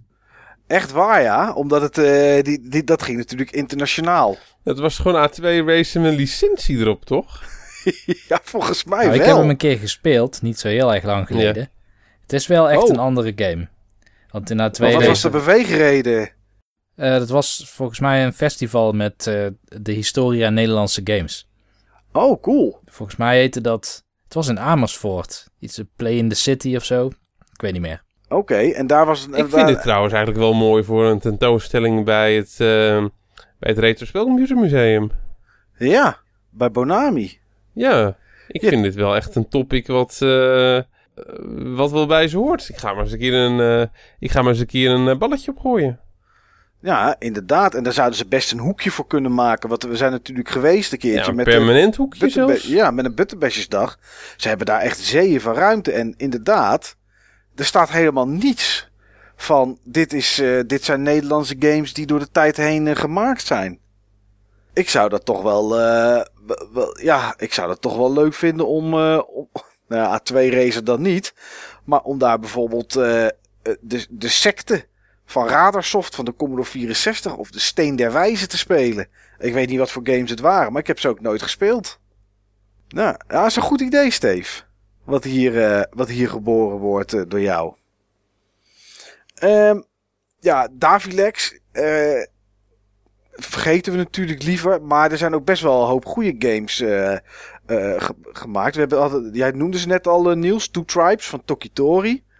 Maar ik wist bijvoorbeeld niet dat Worms World Party voor de Game Boy Advanced. dat zij die gemaakt hebben. Oh, nee, dat, dat wist ik ook niet. Nee, maar dat zijn wel titels die heel de wereld overgaan, zeg maar. Waarvan wij dan niet weten dat, ze, dat het Nederlands product is. Dat klopt. Volgens mij, je hebt ook eh, het bedrijf Engine Software. En die maken ook heel veel van die licensed games. Die op voor de Game Boy Advance en de Game Boy Color en weet ik het allemaal zijn uitgekomen. Ja, Dus dat komt wel vaker voor. Ja, ja. Nou, Triumph Studios hadden we net al hè, met Age of Wonders en Overlord. Eh, Overlord natuurlijk uitgegeven door Codemasters destijds. Eh, en daar was toch ook wel de wereld toch ook wel redelijk enthousiast en positief over. ja zeker. Echt leuke games trouwens ook. Ja, Overlord eh, waren leuke games. Eh, iets waar ik, en daar willen we even bij stilstaan, wat, want dat is misschien wel het grootste gamebedrijf wat we in Nederland gehad hebben. Maar nieuws gaat het misschien tegen, tegenspreken, maar dat graag. Ik wist helemaal niet, en het is misschien heel stom, dat Xylom Games echt een puur Nederlands bedrijf was. Ja, Wisten jullie dat? dat wist ik wel, ja. Wist jij dat, Steve? Of zeg je Nee. nou, wie is Xylom? Ik, e- eigenlijk wel, ja, dat laatste. Wie is Oké. Cylon? Xylom, dat waren de, de mannen en vrouwen die eh, halverwege de jaren 2000, zeg maar, eh, bijna naar de beurs gingen. Maar dat is uitgesteld en daarna is het nooit meer doorgegaan. Maar die zouden naar de beurs gaan zelfs. En zij eh, maakten, maar in iets mindere mate, maar maakten en waren de uitgever van allemaal van dat soort arcade spelletjes, zeg maar. Ja, online. Het was een soort online portal waar je games kon spelen. Ja, maar ze deden ook wel games ont- ontwikkelen. Ehm, maar dat zouden zijn eigenlijk de games die je heden ten dagen zou bestempelen als Facebook-spelletjes. Ja, en het, het bestaat nog steeds trouwens. Ja, het heet nu Gamehouse. Ehm, maar voor de consument doen ze, he- heten ze dan nog Xylom, omdat heel veel mensen dat kennen. Maar bijvoorbeeld, eh, ja, je zag Xylom als logo voor dingen als, eh, als Bejeweled bijvoorbeeld. Dat soort type games. Dus ja, de, de, de, de arcade games, hè. De, de, ja, god, wat kan je er nog meer onderschalen? Bookworm of uh, nou, tegenwoordig wat bijvoorbeeld een Candy Crush is of zo. Of uh, dat soort achtige games, die, die, waren zij voornamelijk uitgever van, maar ontwikkelden ze ook. En uh, ja, die zouden naar de beurs gaan. En, en ik wist niet dat het Nederlands was. Het zit in Eindhoven. En de reden dat ik het niet wist was omdat ze ook games hadden in andere talen. Maar dat blijkt dus gewoon echt een Nederlands bedrijf te zijn. Zij kiezen ook heel specifiek een niche. Hè? Tenminste, ik ken iemand die werkte toen bij Gamehouse. Ik weet niet of dat hij nu nog steeds daar werkt. Maar die kozen er specifiek voor om bijvoorbeeld voor, um, ik noem maar wat, uh, meisjes van 10 tot 14, om daar heel doelgericht ja. een game voor te maken. Die okay. echt voor hun bedoeld was. Omdat dat een markt was, wat vooral in die tijd nog, want het is ook nog zeg maar ruim voor de Wii. En ja. de Wii was zeg maar dat platform voor iedereen en ook voor je, voor je, ja, voor je ouders, zeg maar, bij wijze van spreken. Maar ja. Ik heb, sorry, ik, uh, ik heb nog spelletjes van hun gespeeld, zie oh, ik. kijk. Ja, jij was net wat niet een doelgroep wat, natuurlijk. Nou, ik heb ook wel Xylom games gespeeld, hoor. Luxor in Zuma's Revenge. Oh, ja, ja. ja. Dat was leuk. Ja, Zuma's Revenge. Ik was echt uh, helemaal uh, verslaafd aan Zuma's Revenge. Op de 360 denk ik, of niet steeds? Ja, dat klopt. Ja, met, dat, uh, met die soort van kikker in het midden en dan balletjes ja, schieten. geweldig. Ja. Wat grappig. Ik wist, ik, ik, die naam zei me echt helemaal niks, joh. Nu ben ik ook best enthousiast. Ja, ik weet niet of ze, of, ze, of, ze, of, ze, of, ze die games ook, of ze die games ook gemaakt hebben. Ze hebben er best wel wat gemaakt ook. En anders uitgegeven. Maar het, ja, weet je, ik kon er toch niet omheen om ze, om ze te noemen, inderdaad. Want die zijn echt wel groot. En dus, ja? dus ook richting de beurs inderdaad. Maar, maar wat, wat wou je zeggen Niels? Je zei iemand die daar gewerkt heeft? Ja, die had het erover dat ze specifiek voor bepaalde niche-markten oh ja, ontwerpen ook. Ja. Oké, okay, ja, dat had je dat. Ik dacht dat je daar nog iets wilde zeggen, maar ik weet niet meer wat. Nou, dat die markten toen best onvertegenwoordigd waren. Omdat ja. je toen al had, wat eigenlijk nu nog steeds het geval is, dat de gamesindustrie ook vooral de games maakt die ze zelf willen spelen. Dat is, ja, ja oké, okay, dat, dat is in heel gevallen trouwens niet het geval hoor. Dat, in, in feite doen, wordt er veel marktonderzoek gedaan. Maar een marktonderzoek kan er ook toe leiden dat je probeert een doelgroep aan te spreken die nog niet veel aangesproken wordt. Nee, dat klopt. Of die gewoon ook heel erg theoretisch is. Dat kan ook, ja.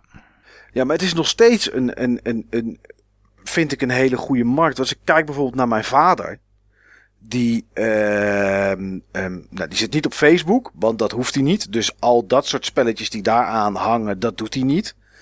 Maar uh, Big Fish is, is, is geen Nederlands bedrijf, maar Big Fish is, is een Amerikaans bedrijf.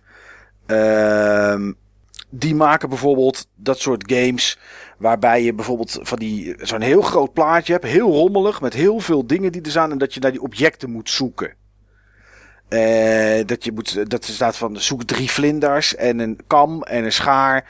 En als je dat allemaal gevonden hebt, dan ga je, krijg je weer een stukje verhaal. Uh, of dan krijg je een ander puzzeltje. Nou, dat soort games, zeg maar, dat is, valt een beetje onder de categorie van die arcade games. Ze zijn het inmiddels, hè, het genre is wel wat, wat verder uitgegroeid. Maar dat is wat Xylom, zeg maar, ook deed.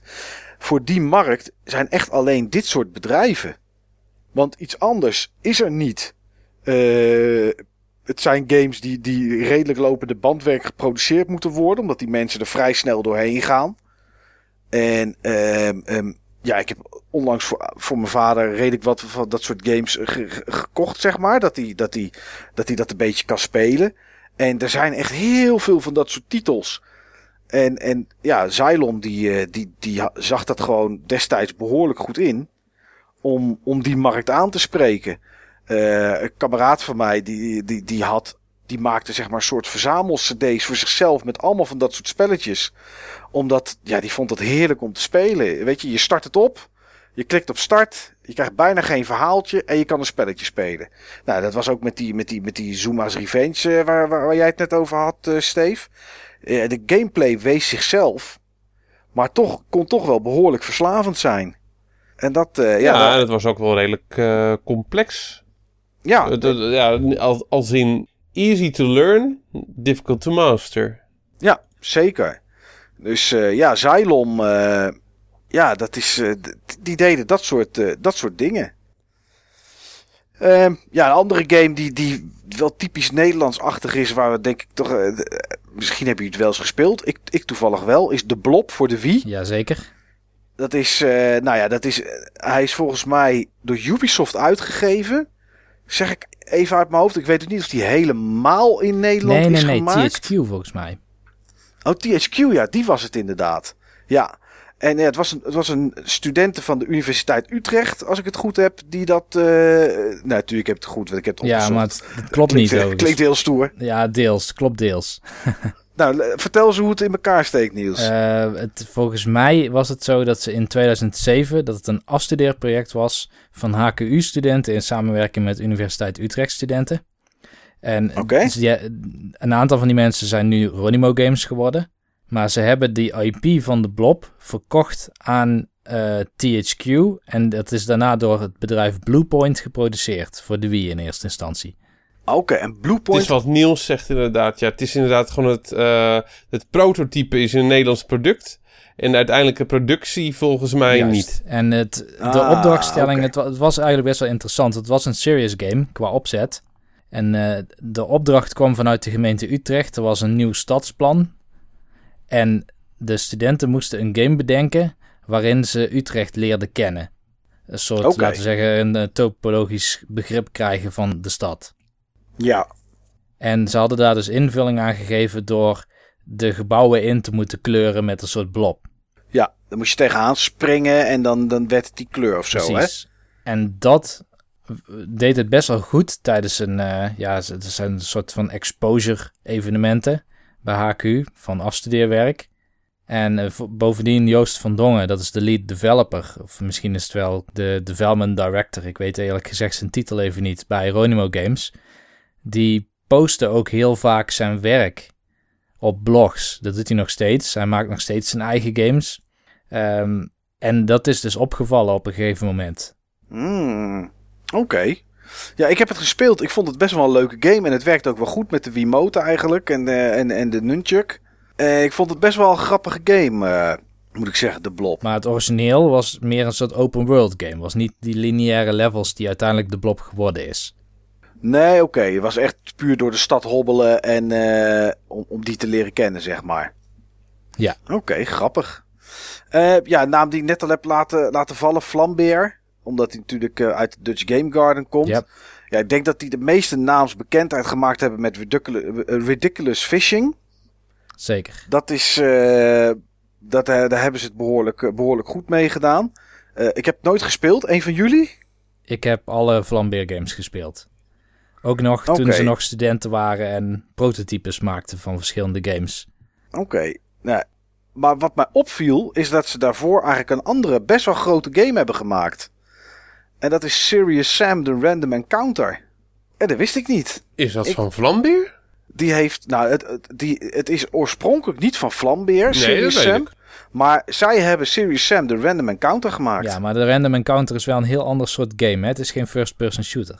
Wat is het? Want ik heb alleen de naam zien staan. Dacht ik, oké, Serious Sam is wel groot. Maar ik ben eigenlijk niet verder in gaan zoomen op wat voor game het was. Het is een eh, ja, pixel-style action game. Sidescrolling of zo. ja, of- precies. Oké, dus wel in de stijl zoals ze nu ook hun dingen maken, zeg maar. Ja, dat is toch een signatuur. Die artstyle, eh screen shakes, dat is ook iets wat in al hun games vaak terugkomt. Vooral eh, Jan-Willem Nijman maakte vroeger heel veel prototypes in Game Maker. En Ja, hij ging bij wijze van spreken op zoek naar een soort essentie van simpelheid in actie en een beetje ridiculisering.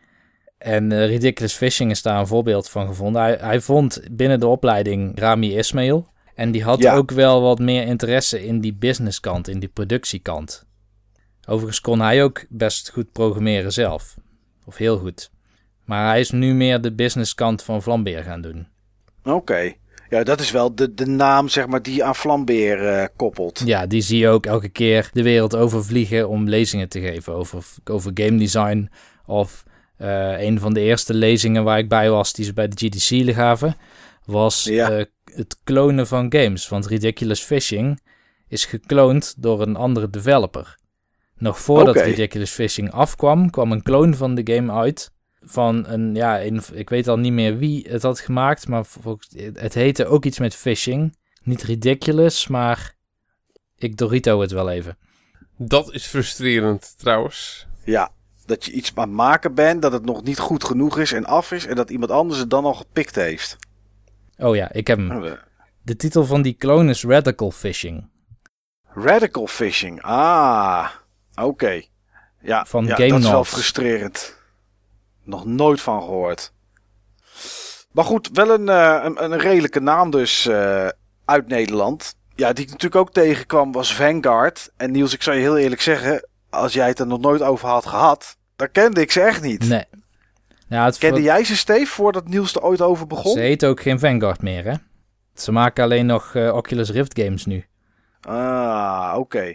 Maar in de tijd van, van Gatling Gears was het nog wel Vanguard natuurlijk. Toen was het Vanguard, ja. Nee. Volgens mij had ik Gatling Gears al eens een keer gezien ergens. En die, eh, die Halo game heb ik natuurlijk sowieso gezien. Nee, Die heeft heel veel, eh, heel veel aandacht gekregen. Ja, Spartan Assault en Ja. Spartan Strike. Daar hebben ze aan meegewerkt inderdaad, samen met Ja. 343. Ja. Ja, dus dat is wel, eh, dat is wel, dat is wel tof. Nu weten ze Ehm, Force Field. Forcefield, oké. En daarvoor, voordat het eh, Vanguard was, was het eh, W Games. Ja, een, W en dan een uitroepteken of zo, geloof ik, hè? Klopt, ja. En daarvoor was het Ja. Wooden Games. En daarvoor was het Oké. Wooden. Oké, nou, die hebben er in ieder geval een hoop aan, naam, eh, aan, aan namen gedaan. Eh, ja, de laatste, we hebben het al over gehad, waarvan ik echt niet wist dat het uit Nederland kwam, is inderdaad Awesome Knots van, eh van Ronimo Games. Eh, en ja, en Swords and Soldiers, en ook deel 2, komt, eh, komt van hun eh, vandaan. Het zijn toch alle drie in ieder geval wel succesvolle games. Die hebben dat wel heel netjes gedaan. Ja, zeker. Ze, ze hebben in ieder geval het heel goed gedaan in de pers. Ik weet eerlijk gezegd niet of dat Swords and Soldiers 2 het ook goed heeft gedaan. Maar deel 1 Dat weet ik ook niet. is ooit voor de Wii ontwikkeld. En die is daarna naar eh, onder andere iOS en allerlei platformen gepoord. Ja, ik heb het op de iPad heb ik het gespeeld. Volgens mij kon je het alleen op de iPad spelen. Je moest er wel een. eh, was het niet voor de iPhone, Mhm. dacht ik. Maar dat was, eh, dat was echt wel een toffe game. Ja, zeker weten. Ja, en de grootste die, die we natuurlijk nu hebben is natuurlijk Guerrilla Games. En ja, daar kennen we denk ik bijna alles wel eh, zo'n beetje van wat die doen. Ja.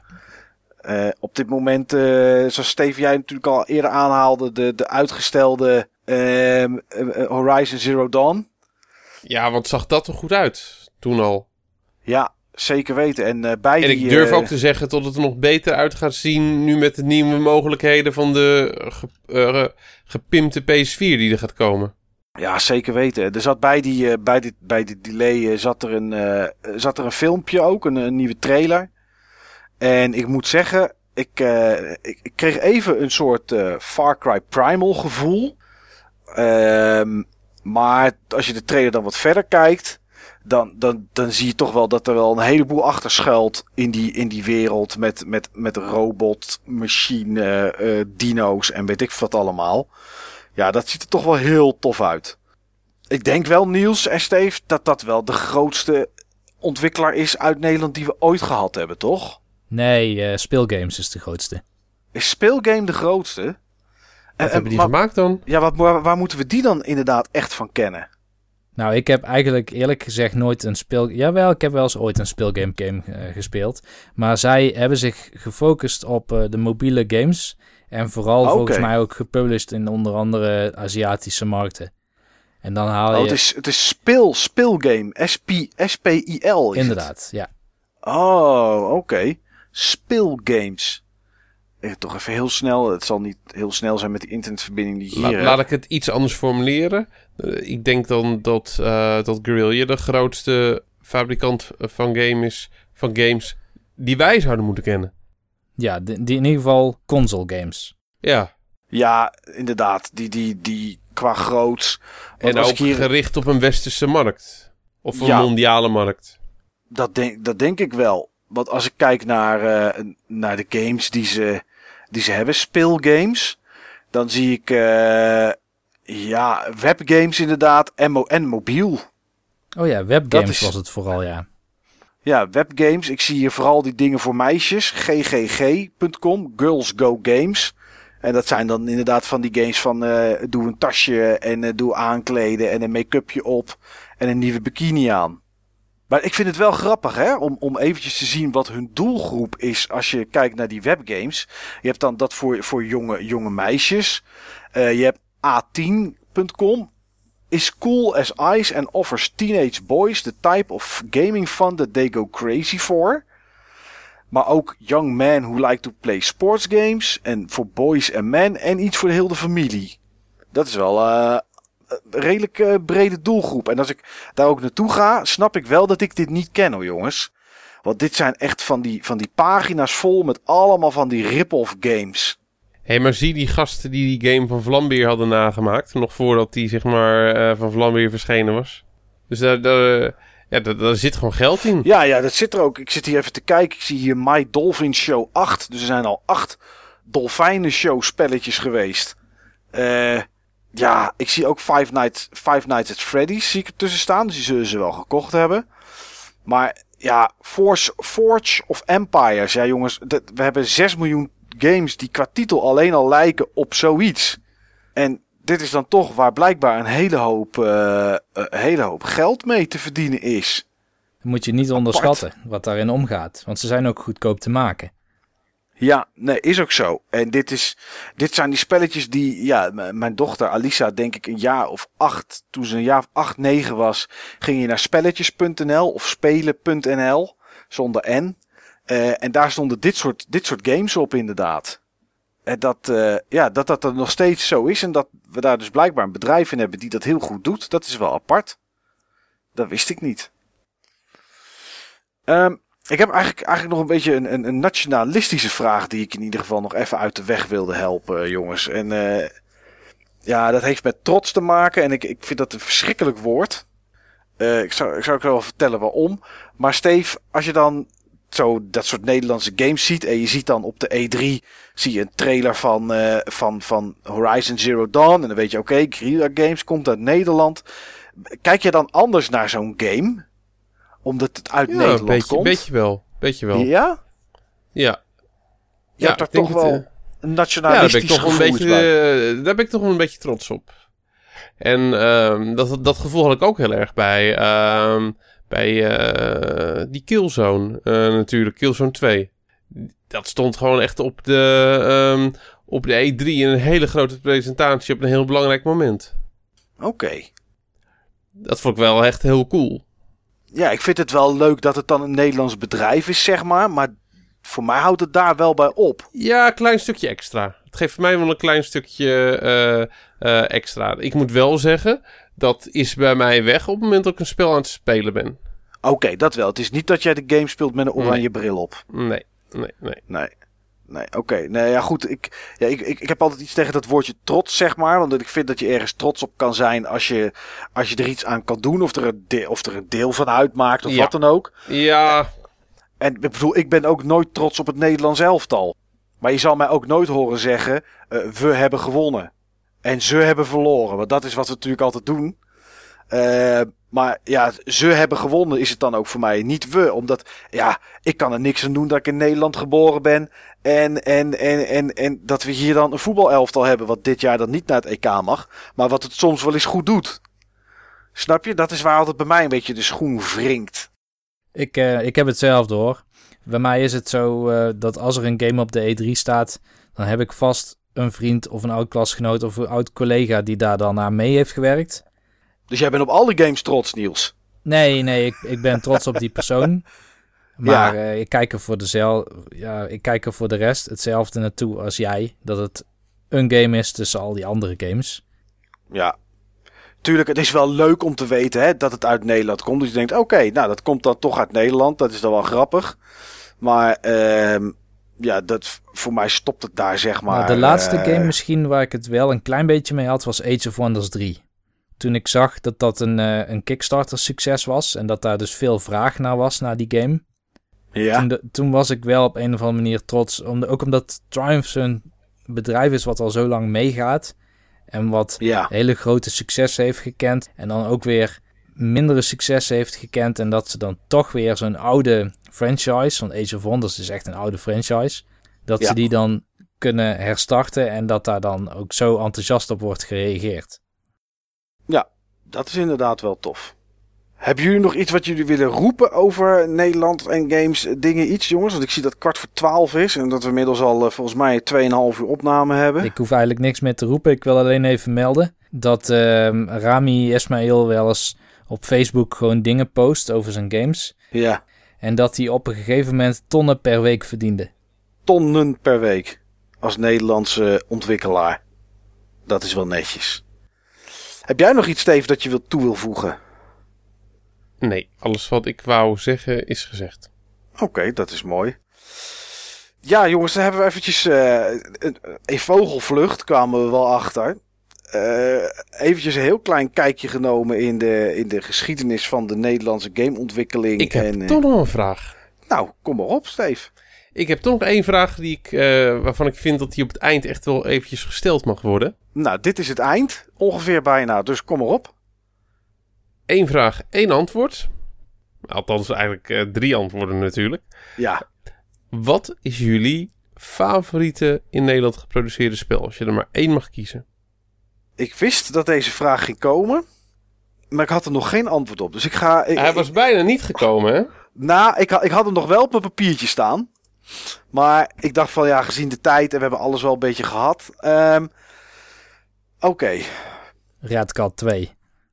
Kreeg je bij je is dat jouw antwoord? kreeg je bij Rabobank, als je daar een eh, spaarrekening afsloot, kreeg je een diskette met Redcat 2. Nee, dat is niet mijn serieuze antwoord. Ik heb hier ook nog niet goed over nagedacht. Ik denk, en dat is dan niet eh, één game, dat is dan toch een reeks. Eh, welk deel weet ik niet. Ehm, maar dan ga ik toch denk ik voor Age of Wonders. Begrijpelijk. Ik denk dat dat, ik denk dat, dat toch, ehm, ja, van, van alles wat in Nederland gemaakt is, dan denk ik toch dat dat mijn favoriete, eh, eh, ja, misschien moet ik dan gewoon de eerste noemen of, of, of, of de derde. Dat maakt eigenlijk niet zo, niet zo heel, niet zo heel veel uit. Maar ja, strategy game zeg maar, weet je, dat vind ik dan eh, van, van alles wat we gezien hebben, denk ik dat dat, dat toch wel, ja, ja, Age of En wat ook Wonders, mooi is bij Age of Wonders, is dat het de strategy game is die zich kan meten met de genregenoten. De grote genregenoten. Zeker. Zeker. Het, eh, met, met Age of Empires. eh, ja, god, waar zou het nog meer mee eh, moeten vergelijken? Als ik ook nu kijk, ik heb de game niet. Maar als ik dan nu op Steam. dan zie ik ook staan dat gewoon. Wordt gewoon erg positief ontvangen. Mensen zijn, vinden het gewoon echt, echt, heel, echt heel goed. En dat, nou, dat maakt me dan niet trots. Maar dan denk ik wel van ja, weet je. Dit hebben ze gewoon goed gedaan. En ik heb deel 1 en 2 heb ik echt veel plezier beleefd. En misschien dat ik 3 gewoon maar eens moet kopen. Dus eh, ik kom daarop uit. Age of Wonders, de reeks. En als ik er één moet kiezen, dan zou ik twee denk ik kiezen. Maar misschien wordt dat wel drie. En ik denk dat zodra we eh, 1 maart 2017 hebben gehad... dan denk ik dat mijn keus misschien verandert naar Horizon Zero Dawn. Want ik vind dat toch wel echt heel tof eruit zien. Dus een beetje cheaten, maar ik doe het gewoon. Niels. Ja, ik heb een game waar je waarschijnlijk niet aan hebt gedacht. Misschien zelfs nooit van hebt gehoord. Maar die wel extreem veel impact heeft gehad. Op jouzelf of op de game-industrie? Beide. Oké. Op mijzelf in mijn werk en in mijn begeleiding van mensen. En op de game-industrie in hoe het voor touch interfaces iets echt nieuws probeerde. En dat is Fingal van Adriaan de Jong. Of Game Oven, zoals zijn bedrijf destijds heette. Game ken ik. Zijn naam niet. En Fingal zegt mij niks. Fingal is een game wat je met twee spelers op de iPad kan spelen. En je kan het zien als een soort twister met bewegende vlakken. Dus je moet blijven staan met je vingers, terwijl die bewegen. Oh, En dat, dan krijg je hele ongemakkelijke dingen, omdat je dus in de vingers of onder en langs de vingers van anderen moet wrijven. ja. En het spel is daar ook een klein beetje, ja, het is net een beetje sensueel op een bepaalde manier. In de beweging van die vlakken. Dus je krijgt hele ongemakkelijke... Sensueel zelfs. Is, je krijgt hele... Nou, het, het spel is net ongemakkelijk in de beweging van die vlakken, omdat je echt contact maakt met die andere speler. Ja, ja, ja, ja. Oké. En, en wat heeft dat dan zeg maar voor de industrie qua touch iets gedaan dan? Eh, nou, in, in die tijd had je weliswaar eh, games op iPad. Ik heb het nu over 2010, denk ik, uit mijn hoofd. Oh, oké, Misschien oké. 2011. Dus echt hele vernieuwende interactie. Ja, Dat had je toen nog niet. En deze game deed het ook heel erg goed op die International Game Awards. Op de, of de, wat is het, IGF Independent Game Festival. oké. Oh, grappig. Nou, Steve, ik ben benieuwd wat jij hebt. Ik had, ehm, ik had een game in mijn hoofd. Ja. Die heb ik gedurende de uitzending heb ik hem eruit gehaald. Eh, want eh, ik, eh, ik zou Zuma willen zeggen, Zuma's Revenge. Ja. Maar dat vond ik, vond ik gewoon echt een bijzonder leuk spel waar ik echt van heb genoten. En die me ook echt bij was eh, gebleven. Maar Zuma's Revenge is helemaal niet van, eh van, van Xylem. Hij is wel op Xylem te spelen. Oh, Maar die is gewoon van PopCap. dat is van PopCap. Ja, ja, ja. Ja. Ah. Eh, hij is inderdaad wel op Xylem eh, te spelen. Maar eh, ja, dat, dat blijkt dus toch niet helemaal Daar, zo te zijn zoals we net besproken hebben. Nee, daar komt de verwarring dan inderdaad van, inderdaad, ja. Dus dan blijf ik toch bij mijn oorspronkelijke keus. En dat was uiteraard het grote waterschapsspel. ja, dat moet natuurlijk wel. Dat was je eerste titel. Of was het toch Overlord? Nee, het was Ah. natuurlijk Overlord. Ja, dat was echt een goede game, hè? Echt een hele goede game. Ja. Vond ik echt een bijzonder leuke game. Ja. En hij had, hij had op sommige punten net nog iets beter eh, gekund, afgewerkter. Maar het was echt een goede game. De bedenkers waren ook erg fan van Pikmin. En dat kun je ook zien. Oh ja, dat is heel duidelijk. Maar eigenlijk zijn er maar weinig spellen die zich eh, qua gameplay baseren op Pikmin. Ja. Daar zijn er geen tientallen van. Nee, ze hebben nog een deel 2 gemaakt. En ze hebben nog een deel voor de DS of zo gemaakt, volgens mij. Eén van die twee is heel slecht, volgens mij. Ja, de echte deel 2, de console game. Ja. En de Wii-versie was best goed. De, Oké. dus zeg maar, laten we zeggen, de, de, de Wii-versie had Overlord. Het had een subtitle. Overlord Racing Hell. Dat was voor Windows, Xbox 360 en PS3. En toen heb je Overlord 2 gehad voor eh, Windows, Xbox 360 en PS3. Ehm Overlord 2 is trouwens niet die slechte, want die heeft best wel een goede eh, Metacritic score. Eh, En dat zijn de enige drie die Triumph heeft gemaakt. Dus misschien heeft iemand anders daarna... Nee, want ik ken de persoon die me... Dark Legend. Oh ja, die titel zeg maar. Was dat die mobiele versie? Ja toch? Nou, Dark Legend was voor de Wii. Ik weet niet, die is niet voor de 3DS volgens mij nee, uitgekomen. ik zie het wel. Er zijn spin-offs geweest. En dat was Overlord. ja, die, je, Dark hebt die recent, Legend. die- je hebt die recente spin, die Diablo-achtige spin-off, joh. Overlord Minions en Overlord Fellowship of Evil. En eh, Fellowship of Evil, die, ehm, die is in april 2000, oktober 2015 uitgekomen voor Windows, PS4 en Xbox One. Ja, die was heel slecht. Ik, ik wist niet eens dat er nog een Overlord voor de PS4 en Xbox One was uitgekomen, joh. Ja, maar het is helemaal geen Overlord, joh. nee, Dat het heeft, heeft, niks met, dat heeft niks met Overlord te maken. de ontwikkelaar was ook Codemaster zelf. Codemasters. Ja, Dus die hebben die franchise waarschijnlijk gekocht. Het- er was een tijd volgens mij, dat was toen in het nieuws, dat het met Triumph Studios niet zo goed ging, zeg maar. En dat die op het randje stonden van failliet gaan, volgens mij. dat staat me ook nog bij. Ja, Wat ik toen raar vond, omdat Overlord zo'n groot succes voor ze was. ja. Ja, inderdaad. Nou ja, goed, met Age of Wonders 3 hebben ze het blijkbaar, eh, hebben ze daar een hoop, eh, een hoop mee goed gedaan om het weer, eh, om dat weer in orde te maken. Ja, Ja, dat is wel grappig. Nou ja, jongens, een eh, ritje dus, eh, zoals ik al eerder zei, door de Nederlandse gamegeschiedenis eh, deels. in vogelvlucht. Ja, in vogelvlucht. En inderdaad, Steve, het zou best leuk zijn als het Bonami Museum daar iets mee ging doen. Ja, ik denk dat we deze podcast maar eens onder de aandacht moeten brengen daar. Ja, ja, zeker weten. Dat is wel een, eh, een, goed, eh, een goed plan. Ehm, ja, het leukste zou natuurlijk zijn als mensen zelf eh, op het, bij ons op het forum eh, eventjes komen, nou, mag ook eventjes heel lang, komen vertellen wat hun ervaring eigenlijk is met Nederlandse games. Of waar ze, wat de, Nederlandse, de eerste Nederlandse game is die ze ooit gespeeld hebben. Of waar ze goede herinneringen aan hebben. Ik ben wel benieuwd hoe, eh, hoe onze Nederlandse gamegeschiedenis bij hen ingebakken zit, bij de, onze luisteraars. En er zitten natuurlijk zelfs mensen bij ons op het forum die op dit moment bezig zijn om games te maken. Ja, zeker weten. Dus het is misschien ook leuk als die uh, iets laten zien. Gewoon eventjes een keer iets, iets Nederlands. Dat, uh, dat mag wel tussen al het Amerikaanse en Japanse geweld. Nou, Europees geweld tegenwoordig ook wel. Als je kijkt naar een CD Project Red en dat soort zaken natuurlijk. Maar ja. Het, uh... En voor onze Vlaamse luisteraars, die mogen natuurlijk hebben over de eerste Vlaamse games die zij gespeeld hebben. Ja, en Nico, oh, dan als dat, als we die erbij hadden gerekend, Belgische games, ik weet niet of Vlaams, of de titel die ik ga zeggen Vlaams is volgens mij wel, maar dan had, uh, had ik niet voor Age of Wonders gekozen. Dan had ik voor Divinity Original Sin gekozen. Ja, dat dacht ik wel. Want dat is natuurlijk een, uh, een Belgisch product. Dat is ook wel een heel, mooi, dat is ook wel een heel mooi product. Ja, daar hebben ze het goed mee gedaan, inderdaad. Ja.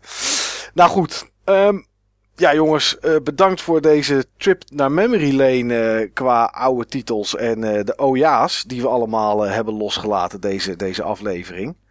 En ja, tegen de mensen die, die naar ons geluisterd hebben over dit onderwerp, hartelijk bedankt voor het luisteren en tot de volgende keer. Thank you so much for playing my game.